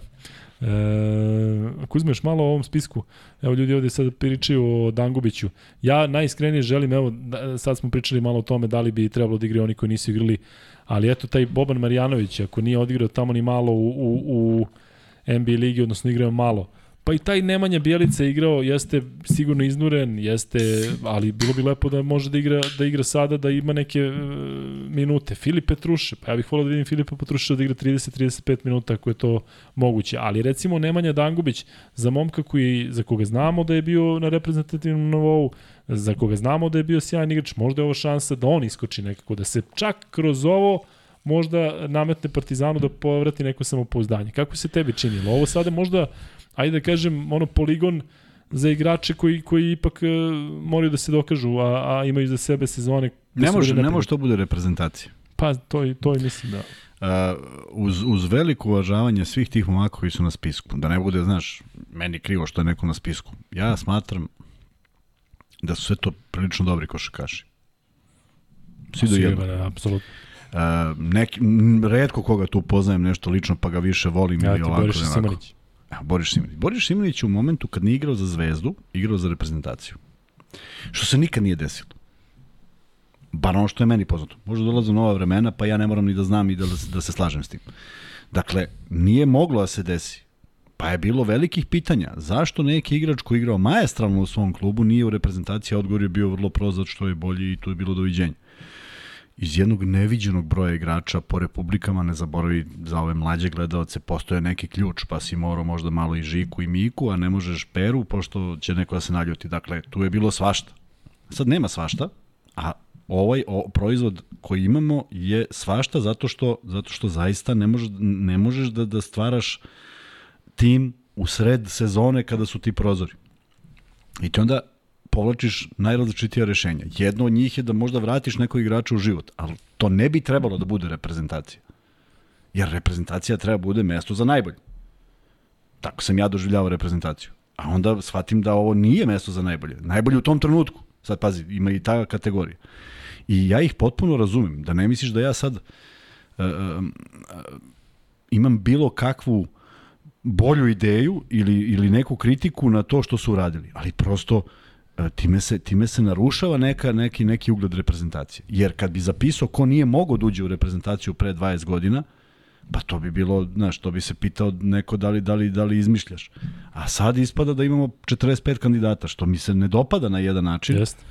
I, I jednostavno, mora ipak da se zna ko, ko tu...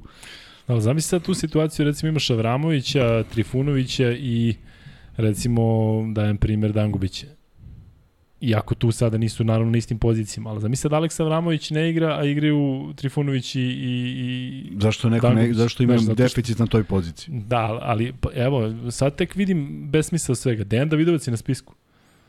Pa što onda nisu ovi? Ne znam. Da, znaš, baš je teško, znaš, sa, da. samo Dejan Davidović. Ja želim, ja želim da verujem da ljudi znaju šta rade i ne mislim da Pešić i Tarlać i ekipa uopšte nešto prepuštaju slučaju. Znam od kad je Tarlać, kad je došao, počeo, čak smo se čuli pa smo ga pitali da dođe da, da malo pričamo o tome. Oj, znam koliko čovjek vremena provede Kako u razgovorima, ne? ne samo sa, sa našim igračima, nego da, da, da, da čuje objašnjenje za neke nelogičnosti. Čovjek je iz sporta, nije pao s kruške, čovjek se bavi time ceo život.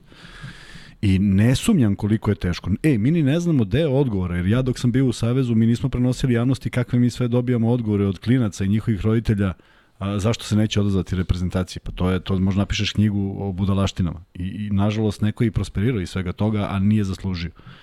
Ali nezgodna je situacija, a, opet, bi se, opet bi se nekako fokusirao na igrače koji su zdravi, koji su imali zapaženu minutažu, ne nezapaženu, ne malu, i pokušao nekako da ih, da ih vratim u život. Sad, sad, ovo Boriša Simanić što igra u Megi, ima više smisla da sad bude u reprezentaciji nego onaj dan kad je bio, a nije, nije uopšte bio na terenu. Prvo, on je u ozbiljnom problemu. On sad osjeća da treba da napravi nešto na toj utakmici, a šta da napravi? To tako ide. Kao nemoj da igraš jedno šest meseci pa dođe da igraš jednu utakmicu u reprezentaciji, onda on počne da igra i to sve pršti. Mas. Kuzme, imamo milion pitanja, a ja ću ih postavljati onako kako su stizalo, pa ćemo onda da idemo gore dole. Prvo pitanje, idemo na svaku, molim te što kraći odgovor, pa ćemo i da se, da se prepićemo. što kraći? što kraći. Koja pozicija je ključna za večite što se tiče pojačanja kako bi bili bolji i kompletni u Euroligi? Zvezda centar, Partizan playmaker. Boga mi, ne može kraći odgovor toga. Pa šta, šta sada je? Lepo si rekao. Kakve su šanse da jednog dana Zvezda osvoji Euroligu? Uvek postoje, ali u ovoj, u ovoj konstelaciji jako teško, jako teško. Vrte se isti igrači, traže bolje ugovore na boljim mestima, negde se dupliraju, negde će se uskoro i triplirati, sve, prelaze sve novi, sve isti igrači koje već znamo, kao se uj, ovi po, pojavio se u novom klubu. Da. I iskreno da me pitaš za polovinu igrača zašto ih neko plaća, ja stvarno ne bi znao. Ali ne, bez ikakve ljubomore, bez ikakve, bez ikakve sujete, bez ičega. Ja prosto ne mogu da verujem da, da su te cene i da ljudi proizvedu to za, za takav ugovor. Ne želim da se vrate u vreme kada ti odigraš ma sezonu bez greške i strepiš da li će neko da ti tamo, da li će duga se klub. Ne kažem da tako treba. Ali moraš nekako da je zaslužiš. A mislim da sad ne moraš da zaslužiš. Sad treba potpiš ugovor. Da. I mislim da nema šanse da se desi da ne bude isplaćen. Šta god ti radio, koja god ti motivacija bila, možeš i da ne budeš motivisan. Ma ne, kažem ti, toliko je recimo nekih rupa. Ja recimo da sam u NBA ligi i da sam vlasnik nekog tima ili da, smo, da sam generalno ispred tima i ti sad daš nekome 200 i 250 miliona. Pa naravno da treba da se pitaš, da treba, znaš, barem pojaži da ga pitaš, izvini, hoćeš ti da igraš ovamo uh, u toj pauzi. Znači, Zašto su nenormalne pare? Pa da, ali koliko je suludo, sad ti neko dao 250 miliona i kao, evo tebi odrešene ruke, ti Burazor idi igri basket ispred zgradi. Znači, ti, baš je, baš je sve zakukuljeno do, do, do ludosti. Ali ja idemo dalje sa pitanjima. Šta mislite, da li će Jokić ikada da igra više u Evropi? Evo ja da odgovorim, mislim da neće. Zato što će Jokić u jednom trenutku, recimo za 5-6 sezona u svojoj karijeri, da dođe do tog nivoa da će obarati neke rekorde, silne rekorde, kao što ih obara i sada. I verovatno će onda biti akcenat na tome da u, u NBA ligi e, izvuče što više i daj Bože da ostane ta jedna sezona, ali pitanje je uvek da li ti istršeni igrači kada dođu u Evropu Um, šta da li neće na sebe? Mogu, da. Kuzmo piti Deju Radonjića da dođe do studija na 2 sata. Kuzmo, kad ćeš da dovedeš De, Deju Radonjića? Hoću vrlo rado, što da neću. Samo da se nađe moment. Evo, juče čovjek osvojio titulu, nije bilo zgodno. Uh, aj kad smo kod njega, piše da je produžio ugovor, volao bi da je tako iz prostog razloga što, što mislim da onda on ima mir u glavi. A onda, onda samo da odgovorim na ono sve što je pisalo sad prethodnog, prethodnih nelju dana, ko dolazi, ko odlazi. Uh, ne može niko dođe pre nego što potpišeš trenera, ne bi trebalo da bude tako. Dakle, ne postoji ni jedna, ako već znaju da Radonjić nije potpisao, glupo je plasirati neke vesti koje nemaju, nemaju mnogo značaja, jer ne verujem da će Iku raditi to preko trenera. Luka, pitanje za tebe, da li bi volio da se toviraš Kuzmu? Pita Ognjena Divojević koji je se, e, ne, pazi, ne pa već koja. imaš, što ne kažeš? Pričali smo i ti u jednom filmu Vala Kilmaru, pa se nismo setili kako se zove, zove se Felon. Da. Da, ja na leđima imam inače kao kalendar nekih bitnih dešavanja u životu sa ovim, sa simbolima tog datuma baš neke privatne stvari, pa eto, možda tebe vežem za 22. novembar. Može slobodno, baci da go želiš. Ali stavit ćemo, znaš koju ćemo sliku staviti? Onu tvoju, sećaš se kad smo igrali ono za sport klub, pa si imao neku sliku, ono kad smo posle onako, možda tu sliku stavimo. E, idemo dalje. E, pritom ljudi, znači svi su rekli live, live, live, live, live, samo live, tako da znaš, dakle niko neće onu varijantu. E, nećem. Da, e. Pazi, kaže Veljković. Samo sam ih čekao. Ma kad, kod hoćete live, može i u 3 noći. Pa to baš ne znam. E, pa tamo lepo možemo onda lagano ujutru na burek, no? posle toga. E, imam jednu e, informaciju za vas. Dakle, vi koji ste nas pitali ranije e, šta se dešava sa sport klubom, koje će lige prenositi. Dakle, sve kvalifikacije prenosimo. Imamo najveći ugovor sa FIBom ikada i prenosimo sva svetska i evropska prvenstva od sada do 2029. godine. Tako da e, sve ove utakmice koje najavljamo, sve ovo što se tiče reprezentacije, sve, sve pravimo. Kuzma, Vanja te gleda, Kuzma. Opet nešto praviš. Pa neki zvuk se čuva. E, slučajno, kao. Može, pazi, evo već 3-4 porike da može terminu u 3 noći u live, pa nemojte ljudi pretirivati, čekaj. E, Vanji, dok god vam pod, podcast ne traje 4 plus sati, odgovaramo kad god. Pozdrav za Vanju. Dejan Andrić, imaš pozdrav od, od, od Dejana Andrića. Kad smo kod Fenera, šta misliš Luka, koliko može Fener u budućnosti sa Itudisom? Jako sam razočaran što je otišao e, Sala Đorđević. Jako sam razočan što je Tudis uzeo klub zato što se o tome pričalo pre tri meseca, ali kad je otišao iz CSKA on je rekao samo reprezentacija Grčke, ništa drugo me ne zanima, a vidiš da ne priče kako treba, tako da e, iskreno potpuno je suludo Kuzma. Sala Đorđević pobedi 4-0 u italijanskom prvenstvu, Virtus dobio otkaz. Ovde pobedi prvaka Evrope, dobio otkaz. Čekaj, šta je, šta nešto, se dešava? Ne, što se dešava? Pa ne, nego kažem ti, je li stvarno Euroliga samo merilo? Ne znam. Pritom bez zaista. veselog, bez, bez dekolo, znači sad ja, ja, znaš, ne znam, evo, pitaju ljudi i da misliš da bi trebalo Sala, Sala Đorđević da završi karijeru, znaš ti mene, ja bih volao da se svi vrate u Partizan, da oni Željko budu kod trener ili da Sala bude pomoćni. Šalim se naravno, ali ajde gde. Nema gde, tek kako da završi u odnosu na šta ne, završi. Ne da završi karijeru, da nastavi Ima, karijeru. Da. Pa, Kasno. ne znam, u Partizanu trenutno je gužva. Ovaj, vidjet ćemo. Ali, znaš šta, ja, ja zaista negde verujem da ovaj, sama Euroliga ne donosi neki ne donosi taj boljitak treneru. Ne postaje on bolji ili loši. Uh, Mi deluje samo da je veći pritisak, da te ono pritisak, razorite. Pritisak je, da, pritisak je ogroman, ali vidi, na primjer, uh, uh, Alimpijević i Bursa, ja mislim da je on naše idealno mesto za sebe. Sigurno tamo ima problema, ali on je uspeo da napravi nešto i postao zaštitni znak toga. I to treba eksploatisati sada dokle god to može. Ne treba sad potpišu ugovor na 78 godina i da se zacementira tamo, ali to je, na primjer, idealno mesto za rad. Da, u smislu da su oboje krenuli da grade nešto. Tako je. Ali Pivić kao nov trener, je, kao nov trener. E, to su neke stvari koje se takođe traže. E, gde nastane problem, sigurno u nekim ljudskim odnosima, nema šta drugo da bude, ali postali su nestrpljivi svi vlasnici svega. NBA nikad nestrpljiviji vlasnici. Ne znam koliko ljudi zna, ali onog momenta kada je Kokoško vodio Phoenix i u posljednjoj utakmici pred sezonu su pobedili Golden State. Kažu da je predsednik Phoenixa otpustio ceo front desk, šta, do, šta god to značilo NBA ligi, ali nije sigurno jedan čovek, nego je x ljudi iz nekog ludila. Prema tome to nema neke naročite veze. Dobro, predsezona je, kažem ti, za njih besmislena, viš da im je sezona. Ne, ne, ne, da... slažem se, nego ti kažem, dolazi do toga da se mnoge odluke vuku mimo, mimo, uh, veruj mi, uh, Čanak nam je bio gost. Šanse da uđe predsednik kluba pred 15 godina u diskusiju sa trenerom. Ja ne znam da je to postojalo. Evo, majke mi.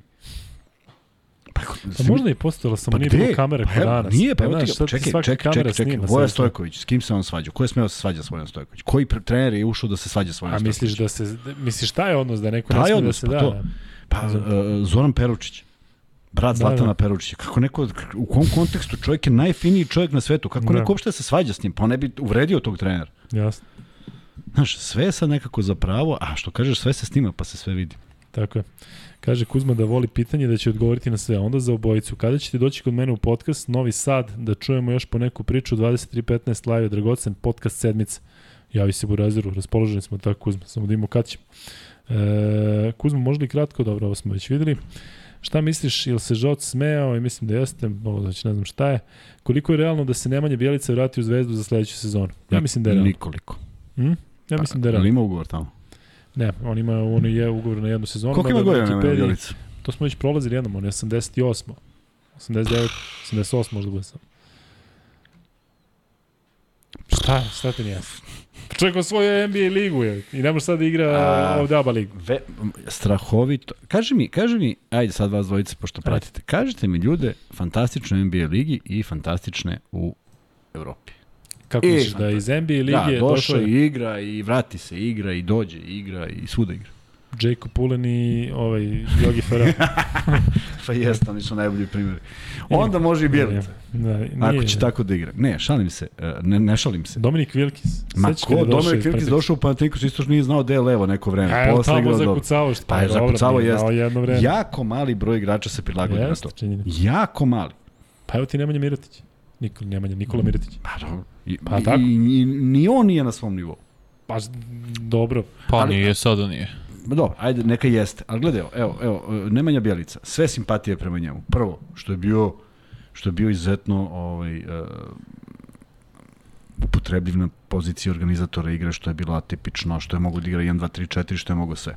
Ajde samo da vratimo njegovu igru u reprezentaciji. Ni približno onoga kako ga pamtimo. Ni približno ono iz Fenera.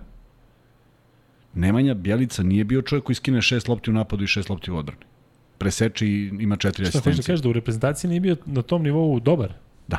U posljednjih par, posljednjih par navrata on je imao ulogu Dobro, ali da bio je 2014. bio bre... To je pre 8 godina. Pa, o, tome, o tome pričamo. On je 8 godina tamo. I naviko se na jedan stil igre. I ne može da ga promeni tako što dođe. Pa Teo je uspeo da promeni. Teo je uspeo da promeni. Zato da. što se nikad nije prilagodio na NBA. Istina. To su ekstremi. Da, on se nije prilagodio. Bodirog da je otišao da. NBA, ne bi igrao NBA, nego bi se vratio i ponovo bio Bodirog. Šta misliš, Bodirog i uh, u glavi negde stoji što ne igra i ne, baš briga? Ne, ne mislim da ga baš briga. Želim da, verujem da ga baš briga. Aj, pitaćemo ga kad dođe. Ja? Prvo idemo kod njega pojedemo nešto, idemo kod njega pa pojedemo da, nešto. Ne uzmemo za poneti pa dođemo ovdje. e, Može. Navedite po vama 12 igrača koji bi stavili na spisak da ste selektori. Uuu. Ovo ćemo kada budemo radili terminu u 3 ovaj, live, pa onda rock i udarimo ultru i sve. Ali ajde, ajde možda kažeš petorku izgleda. Ne. Što, sad zbog Sarajeva ili inače? Ne, da, ne mogu, ne mogu uopšte da... E, da li očekujete Luku Garcu naredne godine? Luku Garzu ili Garcu, kako je? Garza. Garza, da li ga očekujete narednih sezona u Evropi? Pa, to je za vas dvojicu. Kako će da bude Pa ne, pa i ja ne očekujem. Čovjek, ja ga očekujem onda. Čovjek bio najbolji centar u, na koleđu. Apsolutno Dve godine za redom najbolji igrač bio. Da. I sad odigra ruki godinu i kao... Ne za dve godine, da. sledeće godine ga očekujem. Ne, ne, nema teorije. E, kad već Sarajevo, Sarajevo pominjate, ABA Liga, e, idemo iz početka. Kada već Sarajevo spominjete, ABA Ligi fali ta Bosna i čuvena Skenderija, bio sam 2008. na utakmici Bosna Partizan, jedna od boljih utakmica Jadranske lige tih godina. Sad će se mislim da je Parežan igrao tada za Bosnu, a ako se dobro sećam. E, fali, naravno da fali, a nemaju ni jednog predstavnika. Sećaš Dejana Parežana? Da. Hm? Igrali smo zajedno. Da, da, iz blokova. Ovo. Ima neko s kim ti nisi igrao? Ja. Malo ljudi.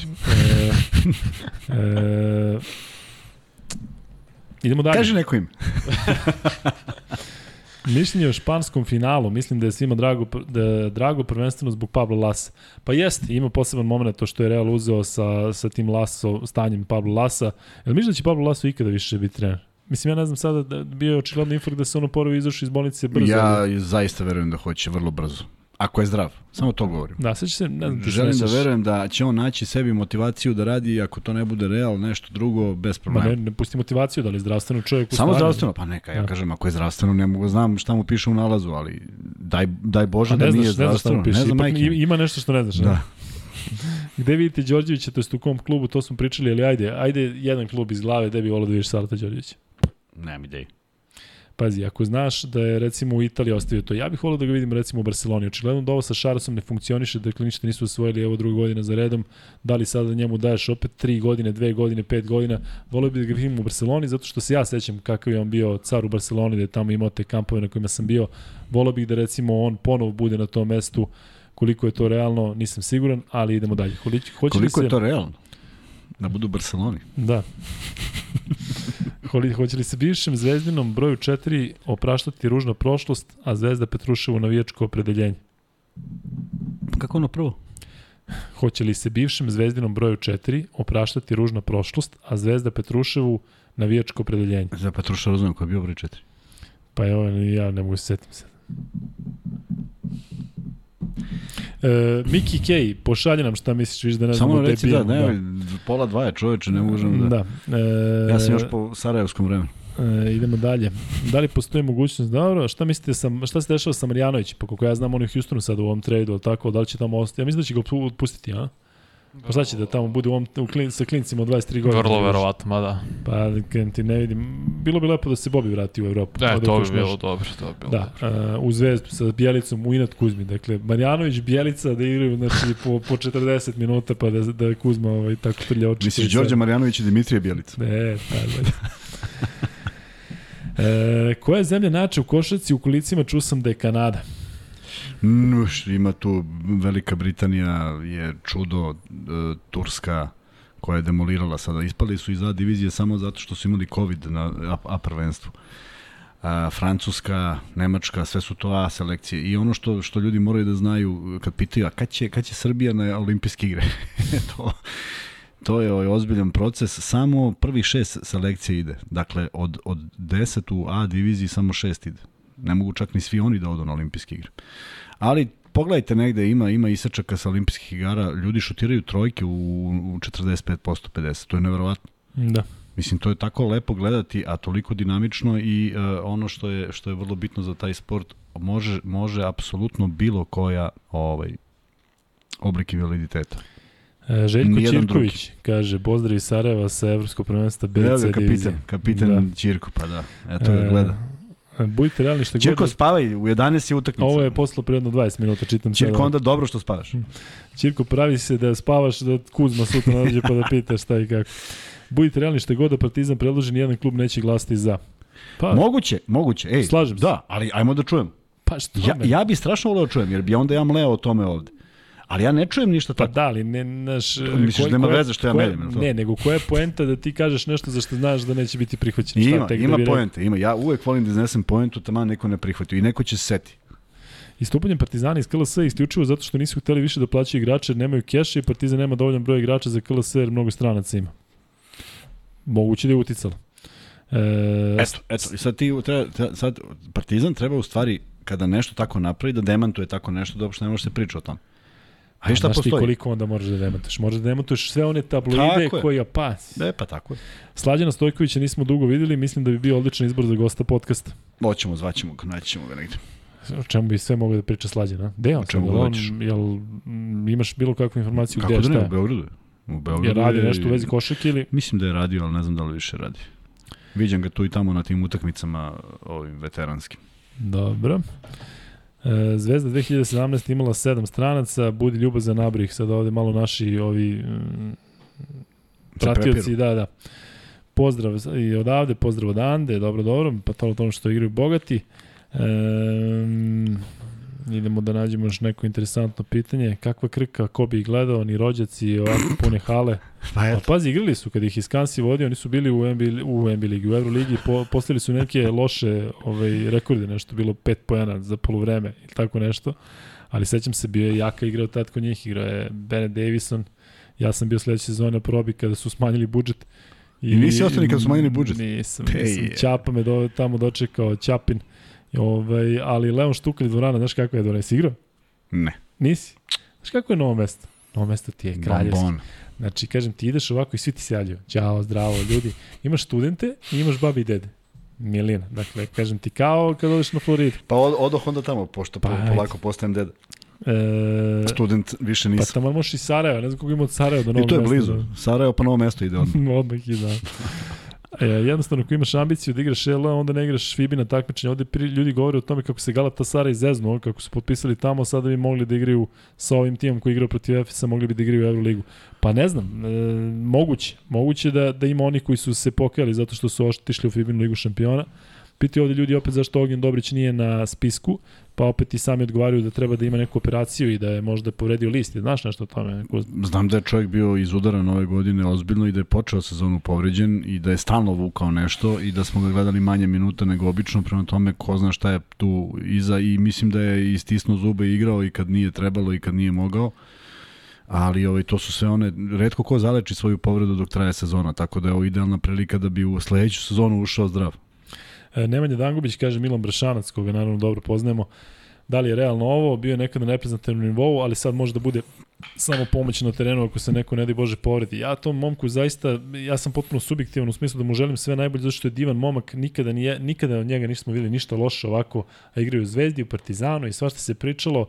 I on je bio ove sezone, sećaš se, ne da se sećaš, koja je bila tu utakmica protiv Slaska, on je bio tu i meč winner Tu je, tu je nešto što mi ne možemo, što javnost ne može da vidi. Nešto se desilo, nešto na treninzima, nešto što se zna iz kluba, ne nešto negativno, nego nešto košarkaški što nije funkcionisalo. Jer, jer uh, ja, ja, ja sam duboko ubeđen da bi ova serija Zvezda i Partizana sa Dangubićem na terenu, uz sve što se dešavalo, Partizan ipak imao tu nekog, tog nekog još jednog igrača koji bi skinuo neku loptu, kao što je, na primjer, Lazarević poskidao lopte koje nisu bile ničije u tokom cele serije. Prema tome, ali odluka je takva i to treba poštovati. Nije to sigurno doneto zašto je nekom tako palo na pamet ili on nekom nije dopao, nego jednostavno postoji nešto što kaže može da se zna samo kroz trening.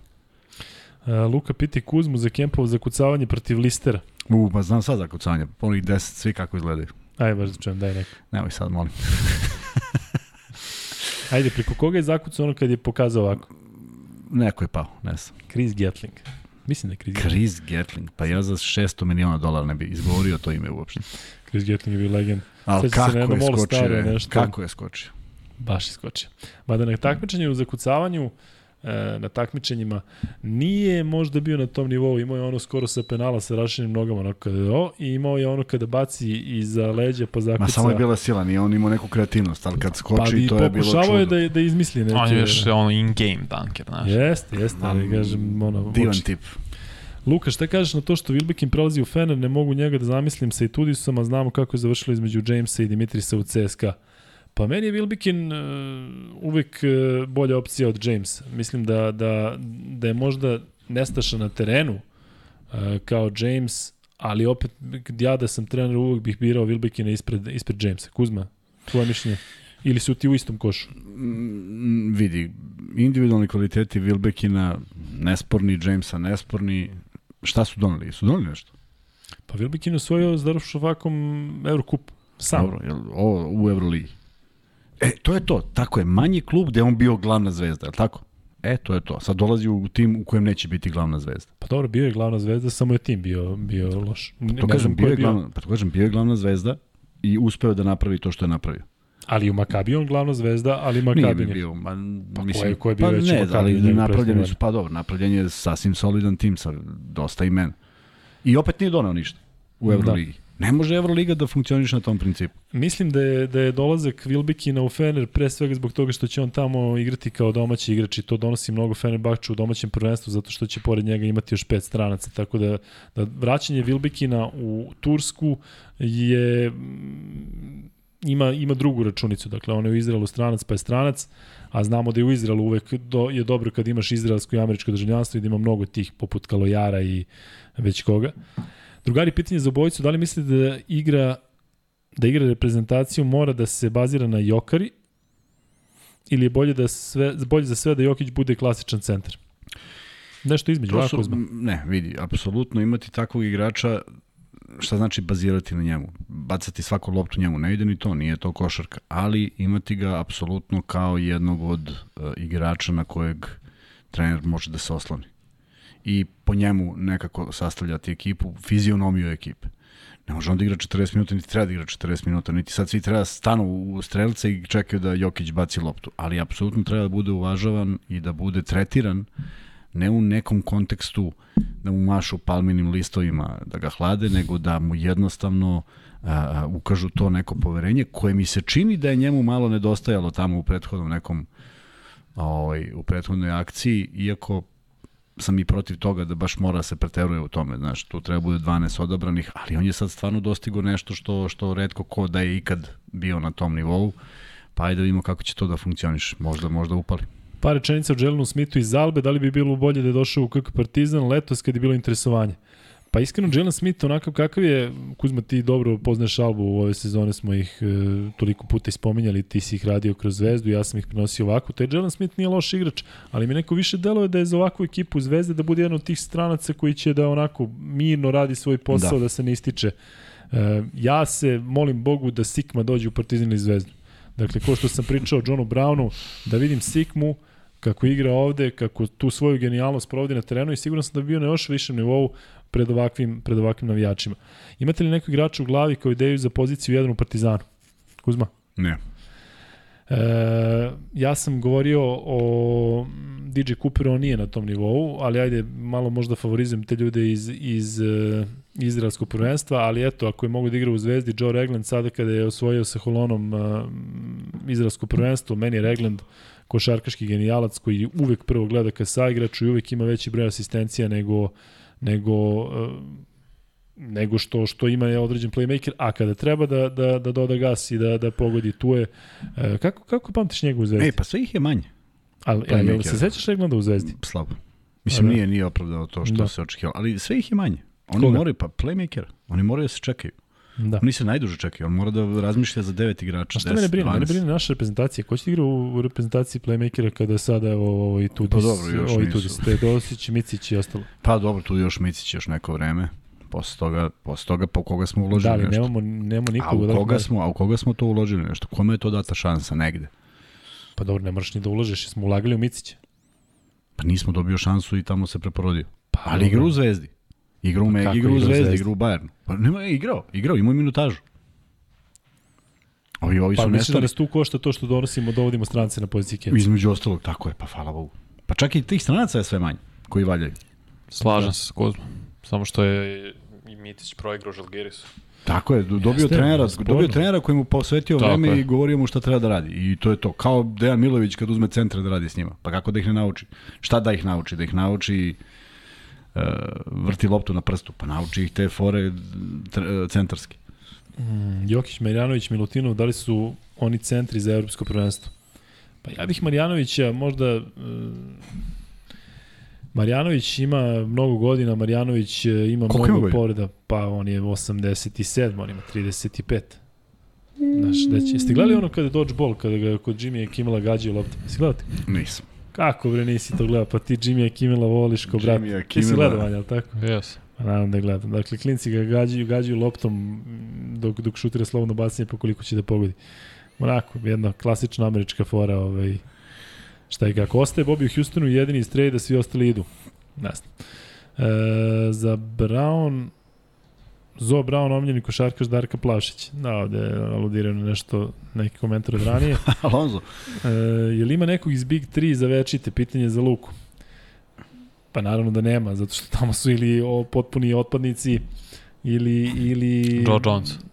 Pa neće sad, sa 70 godina, znači on je 81. godište, a i sa Joe, ali meni Michael Beasley, gledam ga pre neki dan, ja ne mogu, ne mogu Uh, da, da ono, da, da, ja bih ga doveo ovde i rekao bi, evo ti odigraj dve utakmice, pa idi, samo da vidimo da, da li možeš ti i dalje da se ono, Može. No, ovaj- Zar nije potpisao za, za Kineza neke ab, absurdne pare? ne znam, pa Ja tamo da igrao juče, igrao juče. Ne, igra Big 3, ali potpisao je za sledeću godinu da Pa igra sigurno, u kineskoj pa, možda ligi. igra ko hoćeš tamo, neki igra s Dallasom Murom, njih dvojice nek vode neku ekipu.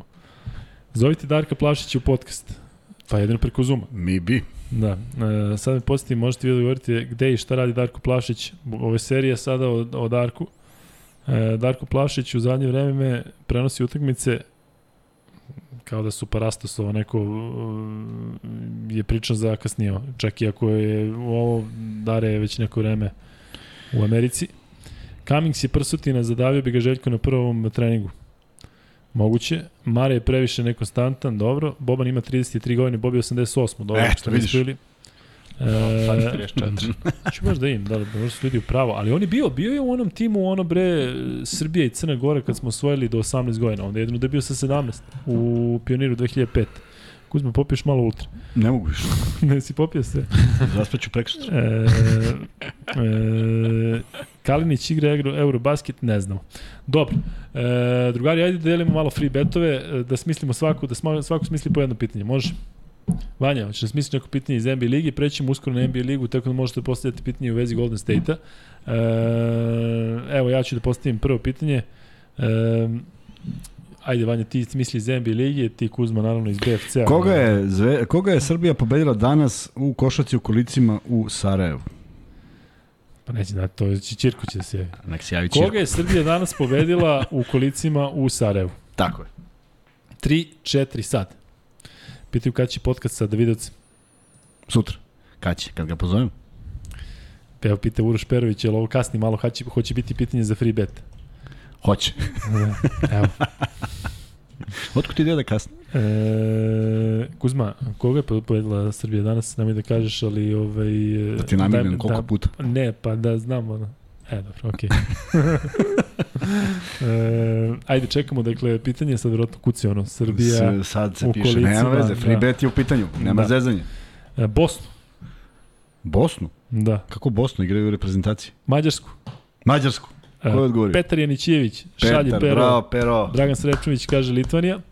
E, dakle, rešili smo to pitanje koga je Francusko, nije Sloveniju. Dobro je, Sve- sve dobro je, pitanja. Mađarsku. E, Stanite, Tursku, stanite. Tursko, pomeni si Tursko, Nemačko. Da gasim čat ovo, ja, da, da, da, da vredi sad. šta E, Vanja, ćeš ti ili ja? Jesi mislio nešto iz NBA? Ili smislio sam, možda kad završimo temu pa ću... hoćeš da, da kada uđemo u NBA, Pa da, da. da. Dobro. Evo, ja ću da postavim pitanje mm, što se tiče evropske košarke. Da, ajde već da uzemo Euroligu.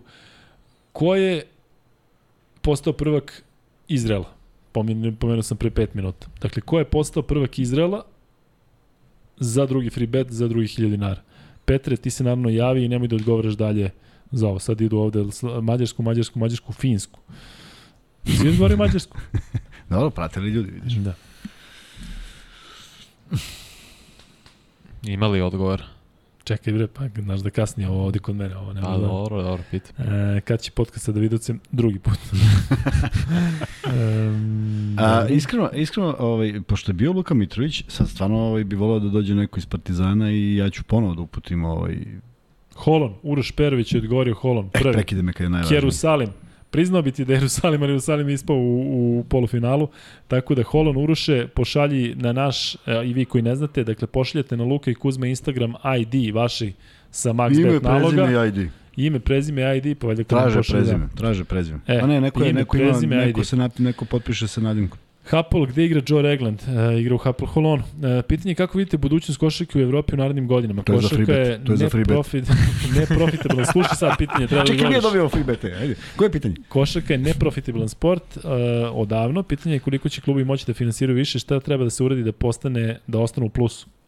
Kako vidiš košarku u narednim godinama? Uh, uh, pre Evrolige, pouzdano informacije, ni jedna liga nije bila profitabilna. Uh, na nuli je bila Španska liga, zašto su imali ogromna TV prava i imali su dva giganta iza sebe koji su pokrivali sve te neke troškove. Onda su svi ostali bili na neki način filijale ovih, kako god. Ali nije bilo pozitivno. Ništa drugo nije bilo pozitivno. U Italiji sećamo se kako nestaju sponzori jedna godina jedan, drugi, drugi, treći, treći. I generalno košarka ne može da obrne novac kao što može futbol. Nikada nije mogla, NBA liga može, evropska košarka ne može. Zašto? Zato što je logo Evrolige nije univerzalan kao što je logo NBA i kad oni nešto prave, svi to žele da kupe, kad napravi Euroliga, niko od navijača neće kupiti tuđi dres, što je potpuno normalno. Prema tome, teško može da se implementira to što smo što gledamo u, u, u NBA u Evropu. I to je najveća zabluda da mi pokušavamo stalno tako nešto. Caleb Holmesley, kako vam se čini za zvezdu? On je lik iz Hamburga, znaš, levoruki. Mene pitaš. Da pitaju nas. A pitaju nas. Kako da ne, dobar katastrofa. dakle, Caleb Homsley, ja sam radio neke mečeve Hamburga ove godine da je šutnuo 17 trojki. Pa mislim da dođe u zvezdu. I, I pogodio je tri, pa onda pogodi na kraju još jednu i sve. Ne, mnogo, mnogo to brzo. Ne, ne, tu, tu treba biti pažljiv izabrati. Ne, Caleb Homsley je za Galata Saraj, dakle za tako neke timove gde se samo roka za Bahče Šehir ili, ili tog tipa. Luka, šta kažeš za Gillette u Jerusalimu? Pa srećan sam, zato što e, Gile e, je radio podcast odavde. E, imam dve priče sa Giletom. 1997. na juniorovom kampu, e, on se ovog nesjeća sigurno, juniorov kamp na Zlatiboru, i Gile imao potpuno drugačiji imidž. Imao je, e, bio je, nije imao uopšte bradu, imao je cvike, imao je kosu kakvu nema baš danas, dakle imao onako kosu, e, imao je rajf, I ovaj, ja sam te godine bio najbolji igrač na Zlatiboru, imali smo jako dobar odnos, on se sigurno toga neće, zašto sam ja bio tad potpuno drugačiji sam izgledao nego sad, razume se. A drugi put smo, bio je ta, bilo takmičenje na, u zakucavanju na Kalemegdanu i on je bio ovaj, u žiriju, to je recimo 2006. 7. godina, bio on, bio je Koprivica je tada bio u, u, žiriju i ne znam ko je bio, moći da Ilija Kovačić bio. I onda ja kako sam se zaletao na zakucavanje, onda mi on onako sa one, sa one e, njegove pozicije sudi rekao, ne, ne, ovo ti je malo veći zalet naša, ja tipa ono, mislio da sam izmislio zakucavanje, sad znam, kaže, ne, ne, sad iskoraka, znaš, tako da Džile je jedan veliki kralj, jako delo onako da je sve, Sad. i kažem, ovo su, ovo, ovaj, ovo, ovoga se on neće sigurno i to su na otprilike ono, poslednji, poslednji kontakti. Luka, daj neku uh, lepu reč o Činanu Onuaku, koji su njegove limiti? Znači, Nanu ovako je idealan igrač za Makabi. Dakle, to je tačno ta priča. Napraviš e, bum u Izraelu i do, do, dokazao se tamo, ali stvarno sam skeptičan što se tiče da dođe u zvezdu. Um, nadam se da je jedan od tih igrača koji recimo kojeg može da podigne publika, vidim da igra onako na energiju, onako dosta je namazan i prljav, ali da se kocka Partizan i Zvezda sa njim, E, nisam siguran. On je prošao tu školu NBA ligi i nije tamo, nije tamo uspeo da se nametne, bio je jedan u rotaciji u, u, u Houstonu. I kaže, mislim da mu je ovo prava mera ovo što je odigrao u, u Hercliji, e sada vidjet ćemo, sigurno će naredne sezone biti u nekom većem klubu, ali mm, dominantan igrač, snažan, dobar, ima čak i dobar šut, bez obzira što šutira slobodno baci onim greni stylom, tako da, da vidjet ćemo. Piti Vanja za tvoje pitanje e, za free bet. E, Javonte Hawkins, šta mislimo o njemu za večiti? Pa i sad ovo. Kuzma, šta misliš o Javonte Hawkinsu? Partizan ili Zvezda? Partizan. e, Panter u NBA za solidno obeštećenje ili Partizan? Pa ne verujem ja da Panter može u NBA-u da igra. On je igrač koji, koji mora da igra 20, 25 minuta, 30 minuta u NBA-u. Ako može da odigra 10. Ali šta znam, evo recimo um, Bilo je tih mm, situacija da u Evropi se rehabilituju pod u NBA ligi, u NBA ligu, PG Tucker je prvu sezonu odigrao u Holonu. Ne znam ko se seća, pa je bio u Bambergu gde je bio. Patrick Beverly igrao u Ukrajini. Patrick Beverly igrao u Ukrajini u Olimpijakusu, pa je otišao. Ima tih, tih e, mogućnosti. Hezon je u Partizanu, Kuzma. Pročito sam da nije, ali ako su to uspeli... Pitaju znak pitanja. Da, ako da. su to uspeli, odlična stvar, samo i... Pa kako će da ga prihvate navijači? Da se, da se... Prihvati će ga navijači, ako ga prihvate i kako ga, kako ga izreklamiraju, ali to je isto mač sa dve oštrice. E, Perasović je pogodio s njim, mnogi nisu, pa sad ako će i Željko da pogodi ili da se nada da će da pogodi, onda u redu. Inače, nesporno igrač koji sam sebe koči da bude jedan od vodećih, uvek je u nekoj svađi sa, sa, sa, sa nekim, mora da bude u svađi, a najviše šteti svoje igri, pošto od, zna, da, zna da od briljantnog do, do, do kraha odigra u svih četir, samo u 40 minuta. I vrlo nepouzdan zato što nikad ne znaš na čemu si s njim, a s druge strane utakmice koje je odigrao u ovoj sezoni dok nije prekinuta uh, pojedino su bile maestralne, zaista, znaš, da vidiš čoveka... Kako ćeš da zaspiš u sred, u sred. Hvala, samo ga slušam. Ne, ne, zaspaće dok priča, dakle, nije ono sada kad ja i ti pričam. Ja mogu zatvorim oči da pričam, uopšte nije problem. E, On spava otvorenih oči. Hoćeš utru odavde iz ovog. Popiću sve utra, sve. sve. Morat će nam pošli još jedan kontingent. Alfa Kaba za centra u Zvezdi, pa nikako. E, mislim, nije za Zvezdu Alfa Kaba. Uh, pitanje za Vanju, ajde to ćemo za, kada dođe do, do NBA lige, a brzo ćemo Kuzma doći do NBA lige. Jeste videli šta je Bjelica objavio na Instagramu Super Mario, a Zvezda je objavila isto taj neki fazan. Uh, jesi video? Ne. Uh, Bjelica je objavio kako Super Mario ono prelazi nivo i ulazi u kućicu i sada su svi to prokotumačili kao on se vraća kući. Ali ja mislim da ipak kako je on prešao nivo u NBA ligi, Biće da je to. Jel moguće da su stvarno to pomislili da je... Ali pazi, Zvezda je nešto odgovorila na to. Znaš, ne bih, ne bih ja ovaj, e, ne bih tu da, da, da zatvaram vrata, da, da, da je to slučajnost. Ali vidio si, izvidio? Vidio sam to, da, nema uopšte da smisla, mislim samo da je prešao igru, a ne da... Znaš da je ušao u kuću. A ne da se vraća kući, to baš da. nema smisla. E, Nigel Williams go su Partizanu. Ne znam, ja ne, ne verujem. E, šta znam, nešto bi povređen. Nisam siguran. E, Da li Bijelica u reprezentaciji treba da igra četvorku ili peticu? Pa peticu ne sigurno. Kuzma. Izvini, samo Uroš mi piše da, da prihvatim. Pričaj u mikrofon. Uroš mi je napisao da prihvatim ovaj, i, i Petar. Dobro, je, da tome opet kod Željka, pitaju, uf, kako bih ja volao da dođe da tome u Partizan, pa ne znam da li bi bio sretniji, nek samo nek, nek bude 11 igrač, samo nek bude tu ove... Ovaj, o, kako je odigrao tu u završnicu bio je fenomenalno. Ma bre, da, da tome, Điđi, da tome, čemu A vidiš, i on ima mnogo povredu, povredu kojega baš... Pa jest, kako ne. To su, to je zamor materijala i pitanje kako izgurati tu celu sezonu. Mnogo je to utakmica. Ja mislim da bi najveće, najveće pojačanje za Partizan bilo da dođe Veseli, ali ne znam da li tu, vidim da se o tome sada priča ali ovaj ne znam Dobro, sve vezuju sad, sa... sad svaki igrač koji je igrao kod Željka igrao dobro, sad ga svi vezuju i svi se negde pa pojavljuju. Dobro, ali ima ali mislim da ne može, ne može baš sve to tako. U ostalom, ovaj... Love neće doći, znaš da su se kačili u ovom, u, u Fenerbahču, pa ne, per, pet puta ga pita Željko, čekaj bre, Žofri, gde si išao tamo, šta si, ovaj, ništa, fura svoje. ovaj, e, Luka Saturanski se vraća u Barcelonu, pa dobro, ne, nije, nije više, nije u NBA ligi više nije faktor, dakle prošli su njegovi dani iz Vašingtona, tako da, da ne znam, Loveni u Partizanu, evo sad sam odgovorio, E, Vanja, da pređemo na NBA ligu. Ja e, smem da kažem samo nešto malo da kontroverzno. da kažem, ne, ne smeš, kaži. A? Zvezda je vezano za reprezentaciju i to kako bi najbolje bilo da se iskoristi Jokić i tako ti igrači. Možeš, ali... Budi oprezan ovdje da ne izgubimo. Da. Sad je 228 watching now, ako padnemo na ispod 200, prekidamo momentalno, sečemo oba. Ajde. Ne, hoću kažem samo da mislim da trenerski izbor nije najbolji. Koliko god da je Pešić i neverovatan trener, ja sećam kao klinac šta radite 2001. 2002. Sve to fantastično. Gledao sam preki dan, nema toliko trenera u tim godinama.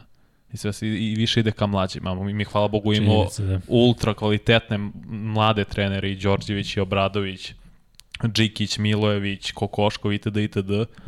Da mi je neverovatno da je izabran Pešić. Ne zato što čovjek, čovjek je genije prvo upoznao sam ga, znači, apsolutni košarkaški mag. Stvarno je neverovatan, nego mislim 72, 3.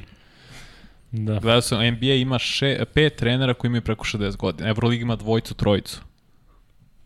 Mislim... Dobro, ali on je tu više kao neki autoritet, znači znamo da je košarkaški genij, više kao autoritet. Njemu ne može da odgovoriš, e, naš, ne, ili mu se ne viš na telefon. Mislim da je, da je to, to je jedan od faktora. Razumite ne znam sad kako će pričaš. igračima da on prenese nešto u smislu da se drugačije generacija sada. Pa jeste. On kad je osvajao, on je bio ovim godinima koji je sad Obradović, na primjer. Da. Saša Obradović. Pre 20 godina imao 52 kada ga uzimao te titule. Zato kažem, ne znam, samo zbog tog aspekta godina je meni malo ono skeptika. Znaš šta je, ovaj, sada trebalo je Pešić da nam bude u četvrte gost, sad bar znamo da neće doći. Tako da, to, Evo, poslao da, poruku i on. Jel, jel preti ono, preti, šta ovaj Vanja ono. E, Vanja, što se tiče, razumijem te šta pričaš, razumijem te šta pričaš, ali Pešić ipak Pešić jedinstven je slučaj, tako da, znaš, nije... Nije, kaže, upaz, kada govoriš, generalno trener 79 godina, stvarno zvuči uh, onako, ali što se tiče Pešića, ja se sećam baš na tim kampovima kad sam bio klinac kada je dolazio, sad ja sam 16, 13, 14, 15, 16 godina, ne mogu pohvatam šta čovjek priča, zato što kažem ti bio već tada na, na nekoj drugi, ali baš govorimo o periodu pre 25 godina. E, idemo, e, idemo dalje, idemo na NBA ligu. Vanja, e, Golden State, e, vraća se titula Warriorsima, tvoje emocije nakon uh, pobede u šestom meču? Zaslužen Golden State, stvarno. Kiksevi uh, Bostona pre Šta, svega. Zašto Boston uh, je pao u seriji? U jednom trenutku su se samo gasili. Prevelik moment za njih. Prosto ih je pojao Tatum, ja ne prepoznajem tog čoveka koji je bio first team All NBA, prva petorka. Da ti u posljednjem meču, u close-out meču daš 13 poena, imaš opet pet valjda izgubljenih lopti, kao tim imali ste 22, to je stvarno neprihvatljivo. I to je odraz da prosto je moment prevelik i da niste dorasli do ovog sada. Što je super iskustvo, to su ono kao, što kažu growing pains, znaš, moraš kroz ovo da prođeš da bi mogo da osvojiš jednog dana. Ali ne misliš da će im se desiti ponovo ono da će odjednom da padnu, znaš da su oni sa Kairijem i kao bilo sad ćemo ne znam šta da uradimo, pa su ono paš, Thomas, pali, da, pali, da, da, ili ti deluje da, da... Mislim da ime u Doka nije taj trener, da će to dopustiti da on drži sve to, da ne kažem, gozdenom šakom, ali da je on prosto taj trener. Izabranje i Brad da. Stevens je o, predsednik košarkaške operacije ima stvarno neverovatan front office. Mislim da će biti okej. Okay. E, da se vratimo sada na Golden State, e, moram priznati da je meni drago, dve stvari su mi naj, najdraže. Dakle, Zakarija za ovu sezonu kada je postio taj rekord u trojkama i kada stvarno je neko bio sve u drugom planu. Znaš da se o njemu ni pričalo kao MVP-u ni u jednom trenutku i da sada bude MVP finala, meni je stvarno drago zbog njega. Koliko god ga ljudi možda neki ga ne vole zbog nekih njegovih gestikulacija, on je čovjek ipak, ipak na nekom posebnom nivou. Jako mi je drago zbog Nemanje Bjelice, ljudi možda sad to ne prate, ali Bjelica nema mnogo klubskih titula.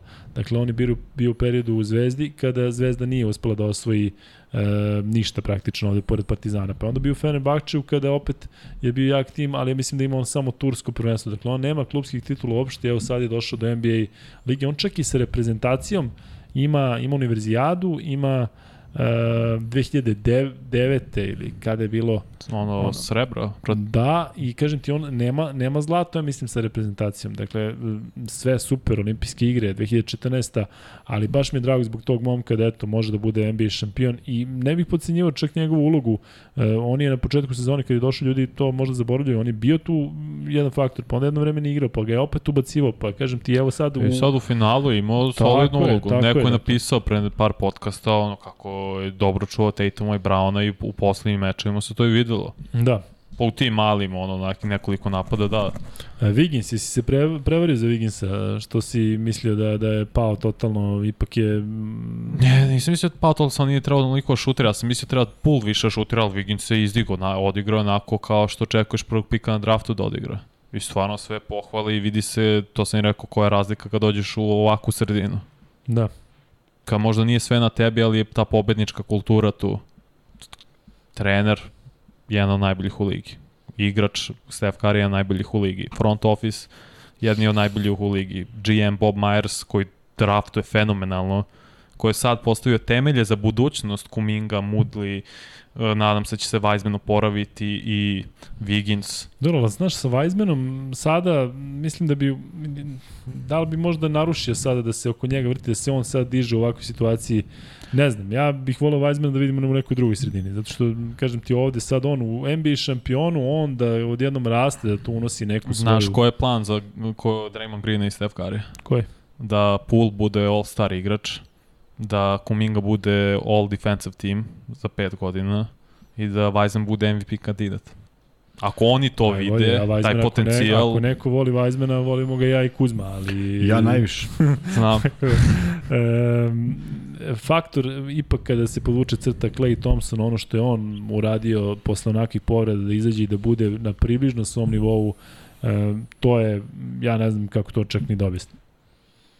Mislim da će biti bolji još sledeće godine. Da je ovo godine trebalo čisto da uđe u taj košarkaški ritam pre svega, da, navi, da se navikne ponovo na punu sezonu, nije igrao dve godine. Da li je to fizički moguće posle takvih povreda? Ja ne znam da li, znaš, ne, ne vreme Uvek da u drugoj godini su bolje, imaju i George, Paul George ima ono o, groznu da, povredu noge, posle druge godine on počeo da igra na tom jest. nekom nivou. Uh, samo pitanje za tebe, gde ti je Kari kako priča o najboljim igračima ikad?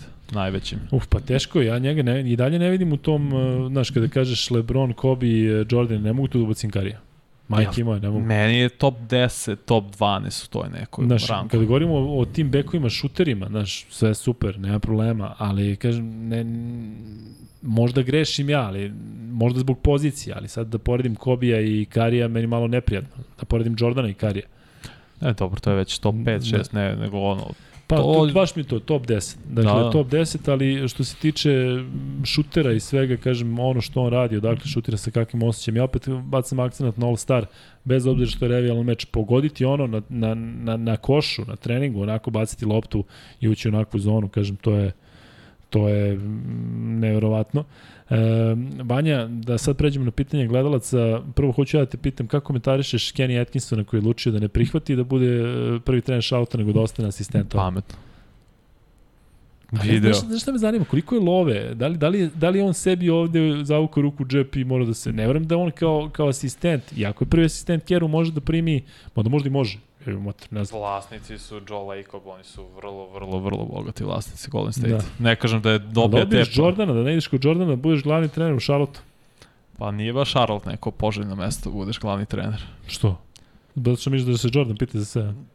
Ima i to, ali prosto ni tim nije istok je poprilično dobar. Ne, ne vidim Charlotte sad za 2-3 godine da se izdigne u silu ja vidim, neku. iskreno, sa Lamelom kao, kao tim e, Karijem na istoku, nekako mi deluje da bi oni mogli da budu ono faktor, da više neće biti ono kao play nego se... Ja mislim da je manje stres ovde. Ja, pa definitivno, da, i to je to moguće da je, da je, da je bitno. Steph Curry nije u top 10, bože sačuvaj. Šta nije Kobe u top 10, sad su ovde ušli. Team Mac, Kobe nije u top 10, ili si realan? Ko je rekao da Kobe nije u top 10? Mislim da ovde između sebe pričaju. Da, da. E, Vanja, pitanje za tebe, kako komentarišeš ovo oko Irvinga i Brooklyna? Postavi neko. Mm, ovo što je spekulacija da, da su da, da. zanimljivo. Samo A, čini stvar zanimljivije. Šta bi voleo? Bi voleo da, da, da ga vidiš negde drugde? Ne. Misliš da je Brooklyn? Ne, ne, ne, volio bi u Brooklyn. Mislim, on sam izjavio tu, odrasto je kao fan Netsa, ne vidim razlog zašto, mislim ima kao to, sad se priča verovatno je oko količini novca, ali mislim da će to da ispeglaju. Jesi vidio ono mogućnost, mogućnost, priču da bi recimo najbi, najidealnije za Lakers je bilo da pošalju u Westbrooka za Bila? Pa dobro, nije, nisu ni ovi iz Washingtona baš sad toliko ludi stvarno. Sisali vesla, a? a dobro, ako je negde Westbrook imao tu neku sezonu, pa ajde kažeš bilo Washington, znači došao bi... Na šta ostavlja Washington, šta Washington postaje? Znači, izabro bi pre uvek pre Bradley bila nego Westbrooka. Trenutno da. Ja za Westbrooka navijem i sve snage. Dakle, ja sam taj tip sad kad ga svi pljuju, kada nikome ne valja, kada je Westbrook najveći kreten svih vremena, sad navijem da ih pokida sledeće godine, da ima triple-double onu u proseku sezonu u Lakersima, da ih izdigne, zato što kažem ti, ne samo da zaboravimo da je Westbrook timski, je bio, timski uspeh je, uspeh je bitan, to nije... Pa jeste, ali kažem ti, on je bio MVP lige, on je igrao finale sa onom mladom Oklahoma, dakle, nije Westbrook pao s Marsa koliko god, on je uzimao zlata sa, sa, na olimpijskim igrama sa, sa američkim timom, dakle govorimo ipak o nekome ko je dugo već u statusu superstara i jeste, sad je potpuno pao kad se vratio kući u Kaliforniju, ali, ali kažem, ne volim to kada sad svi e, krenu da, da, da pljuju. Mišljenje o DeRozanu, uh, ajde prvo tvoje vanje. Demar DeRozan je da. jedan top 20 igrač u ligi, stvarno i ove godine pokazao koliko je neophodan. Top 20? Da. Da ti nije u top 15 ili bar top 10. Top, je se, top 17, realno. Evo ga. Pa nije tako, to je između 15 do 20. Pa, pokazuje koliko je opet nije taj kako je otišao u play-off zbog Just. njega, ali nije po, osvojio seriju. Možda sledeće godine treba i, kad... bili su dosta povređenih igrači, to i, i Nikola kad je bio u studiju pričao, mislim da će biti Chicago bolje sledeće godine. Da ali opet nije mi Rosen broj jedan igrač u šampionskom timu. Pazi, ali kad, kad je LeBron James, znaš kad je navljivao, kad su pirali ono pikove, kad je rekao biram DeRozena, jedan od mojih najomljenih igrača u ligi, DeMar DeBone DeRozan, pa ako je James u jedan od omiljenih, onda je ovaj, i moj. Bravo Luka, baš poznaš košarku. Hvala. Luka daj Kuzmi ćebe, čovjek zaspa za stolicu. Pa ajde Vanja ugasi klimu da pa mu ne mora, ne mora mu ćebe. Kada vam budem poslao drži, razlanicu i Sarajeve. Drži, drži ovaj uh, live, live drži dalje. Vanja, si smislio pitanje za gledalca? Ajde, da, pitao. Ja, može pitanje. Ajde. Koliko titula Warriors imaju u svojoj istoriji? Pa lako je, desi, znaš šta. Koliko titula imaju Warriorsi u svojoj istoriji, znaš da je pisalo svuda i da su se... Ovaj, Vidjet ćemo, ja znam. Ajde, to ja moram pritati, ja nisam siguran da li je ovoliko. Ne mogu da pokažemo ovo. ovaj, e... I kako se zove predvodnik Warriorsa sa Coney Island? Opa, idemo, a? a? Kada je snimljen film? Ajde, 80 i? Prve. E, Vanja, ne znam ko je 80. Pitanje za tebe, da li su Phil Jackson, Greg Popović i Željko Obradović najbolji trener u košaci ili ne? Da. Bacio bi tu i Pet Riley. Pa dobro, malo je neuporedivo, znaš. Ovaj u Evropi. Da, sve, znaš. ako ćemo NBA, onda da svako. I Steve Kerr bi ubacio top 5 u NBA. Koliko stiže odgovora za ovo? Čekaj, ko je prvi. Vanja, koji je odgovor za Golden State? Čekaj, da ko je napisao bilo šta. Filip Koreć 6, Nikola Radosavljević 7. Nikola Radosavljević 7. Nikola, pošalji ID. E, Nikola. Pošalji vanj. E, Kuzme, ako pošalješ, Kuzma neće vidjeti. Kuzma, jesi jeo ćevapu u Sarajevu, pita Crni grobar. Nisam ništa ja, samo se otišao i vratio se. E, kaže, lako je svi raditi. Izbacio sam hranu iz ishrane. Koliko Kuzma ima, znak pitanja. ne znam sad na šta mislim. Da, da, da ne budem... Mnogo, mnogo ima.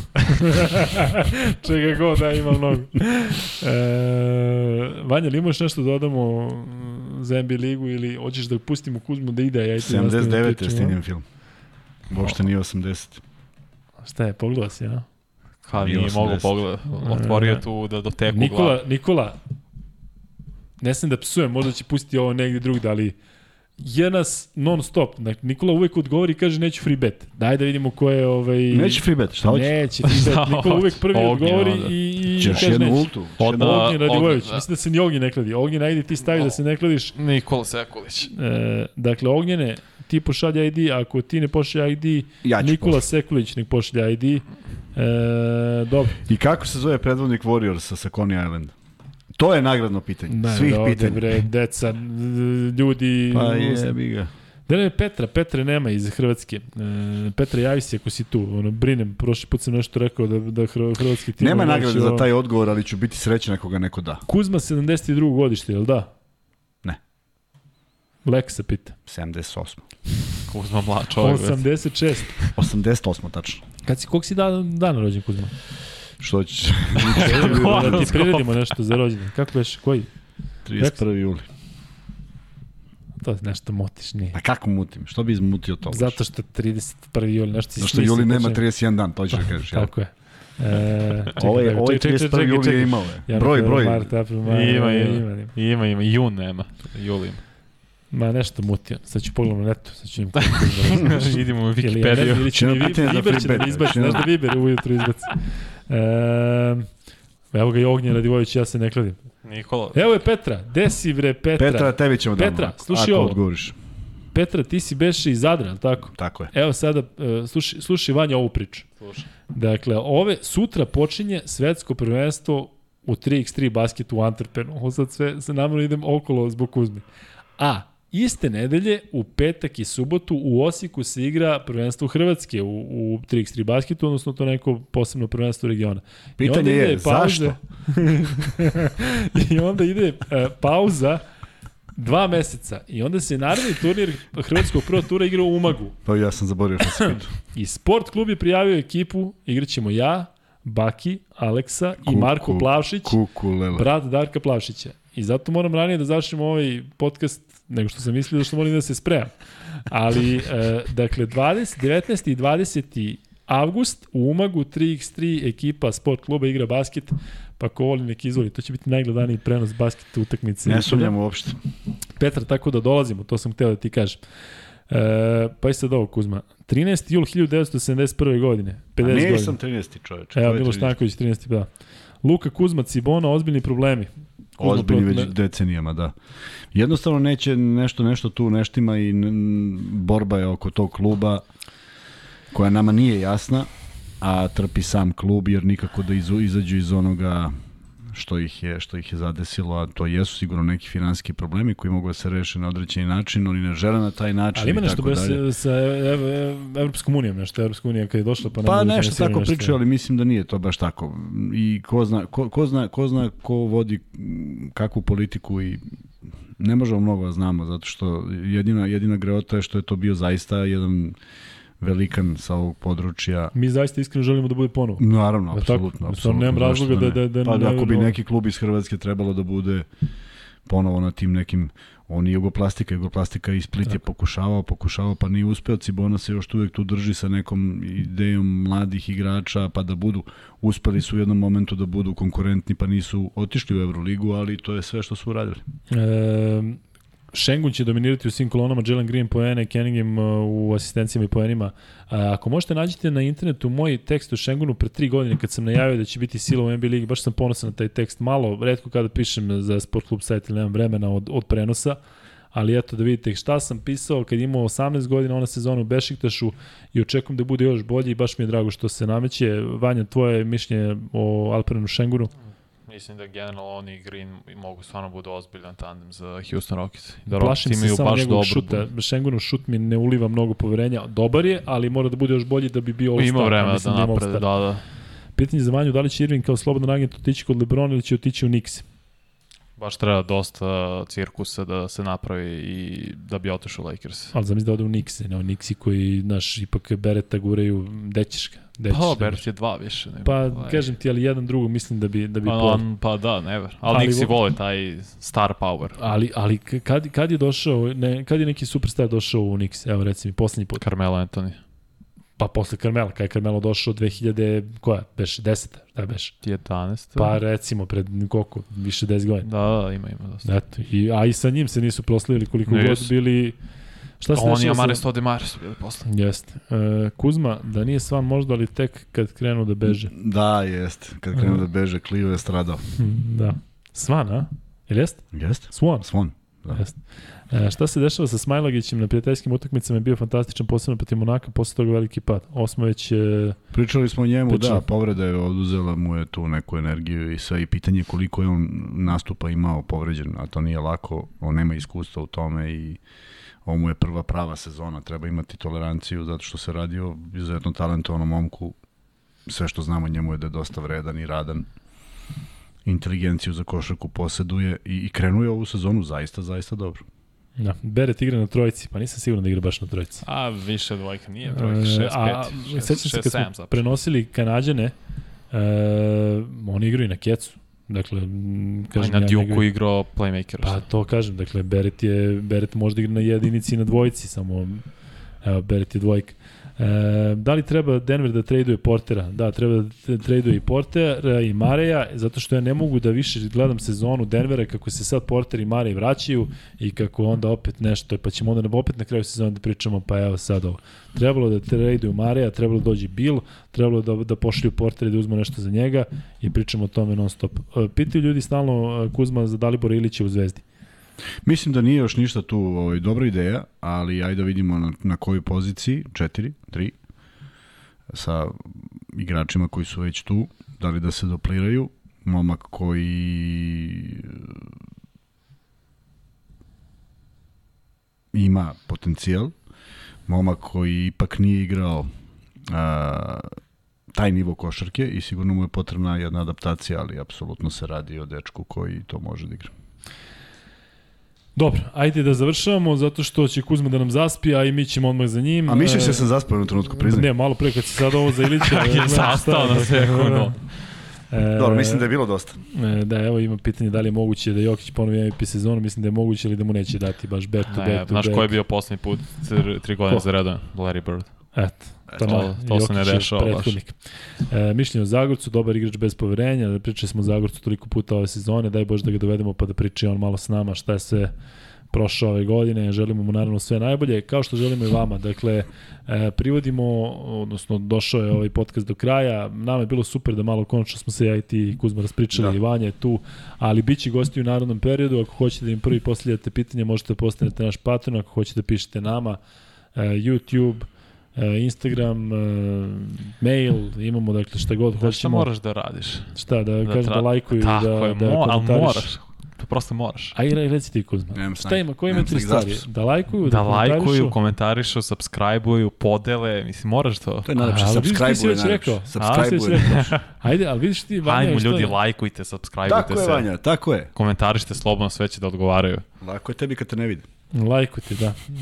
Ja znam šta je lajkovanje, ovo ostalo već se gubimo otprilike šta je.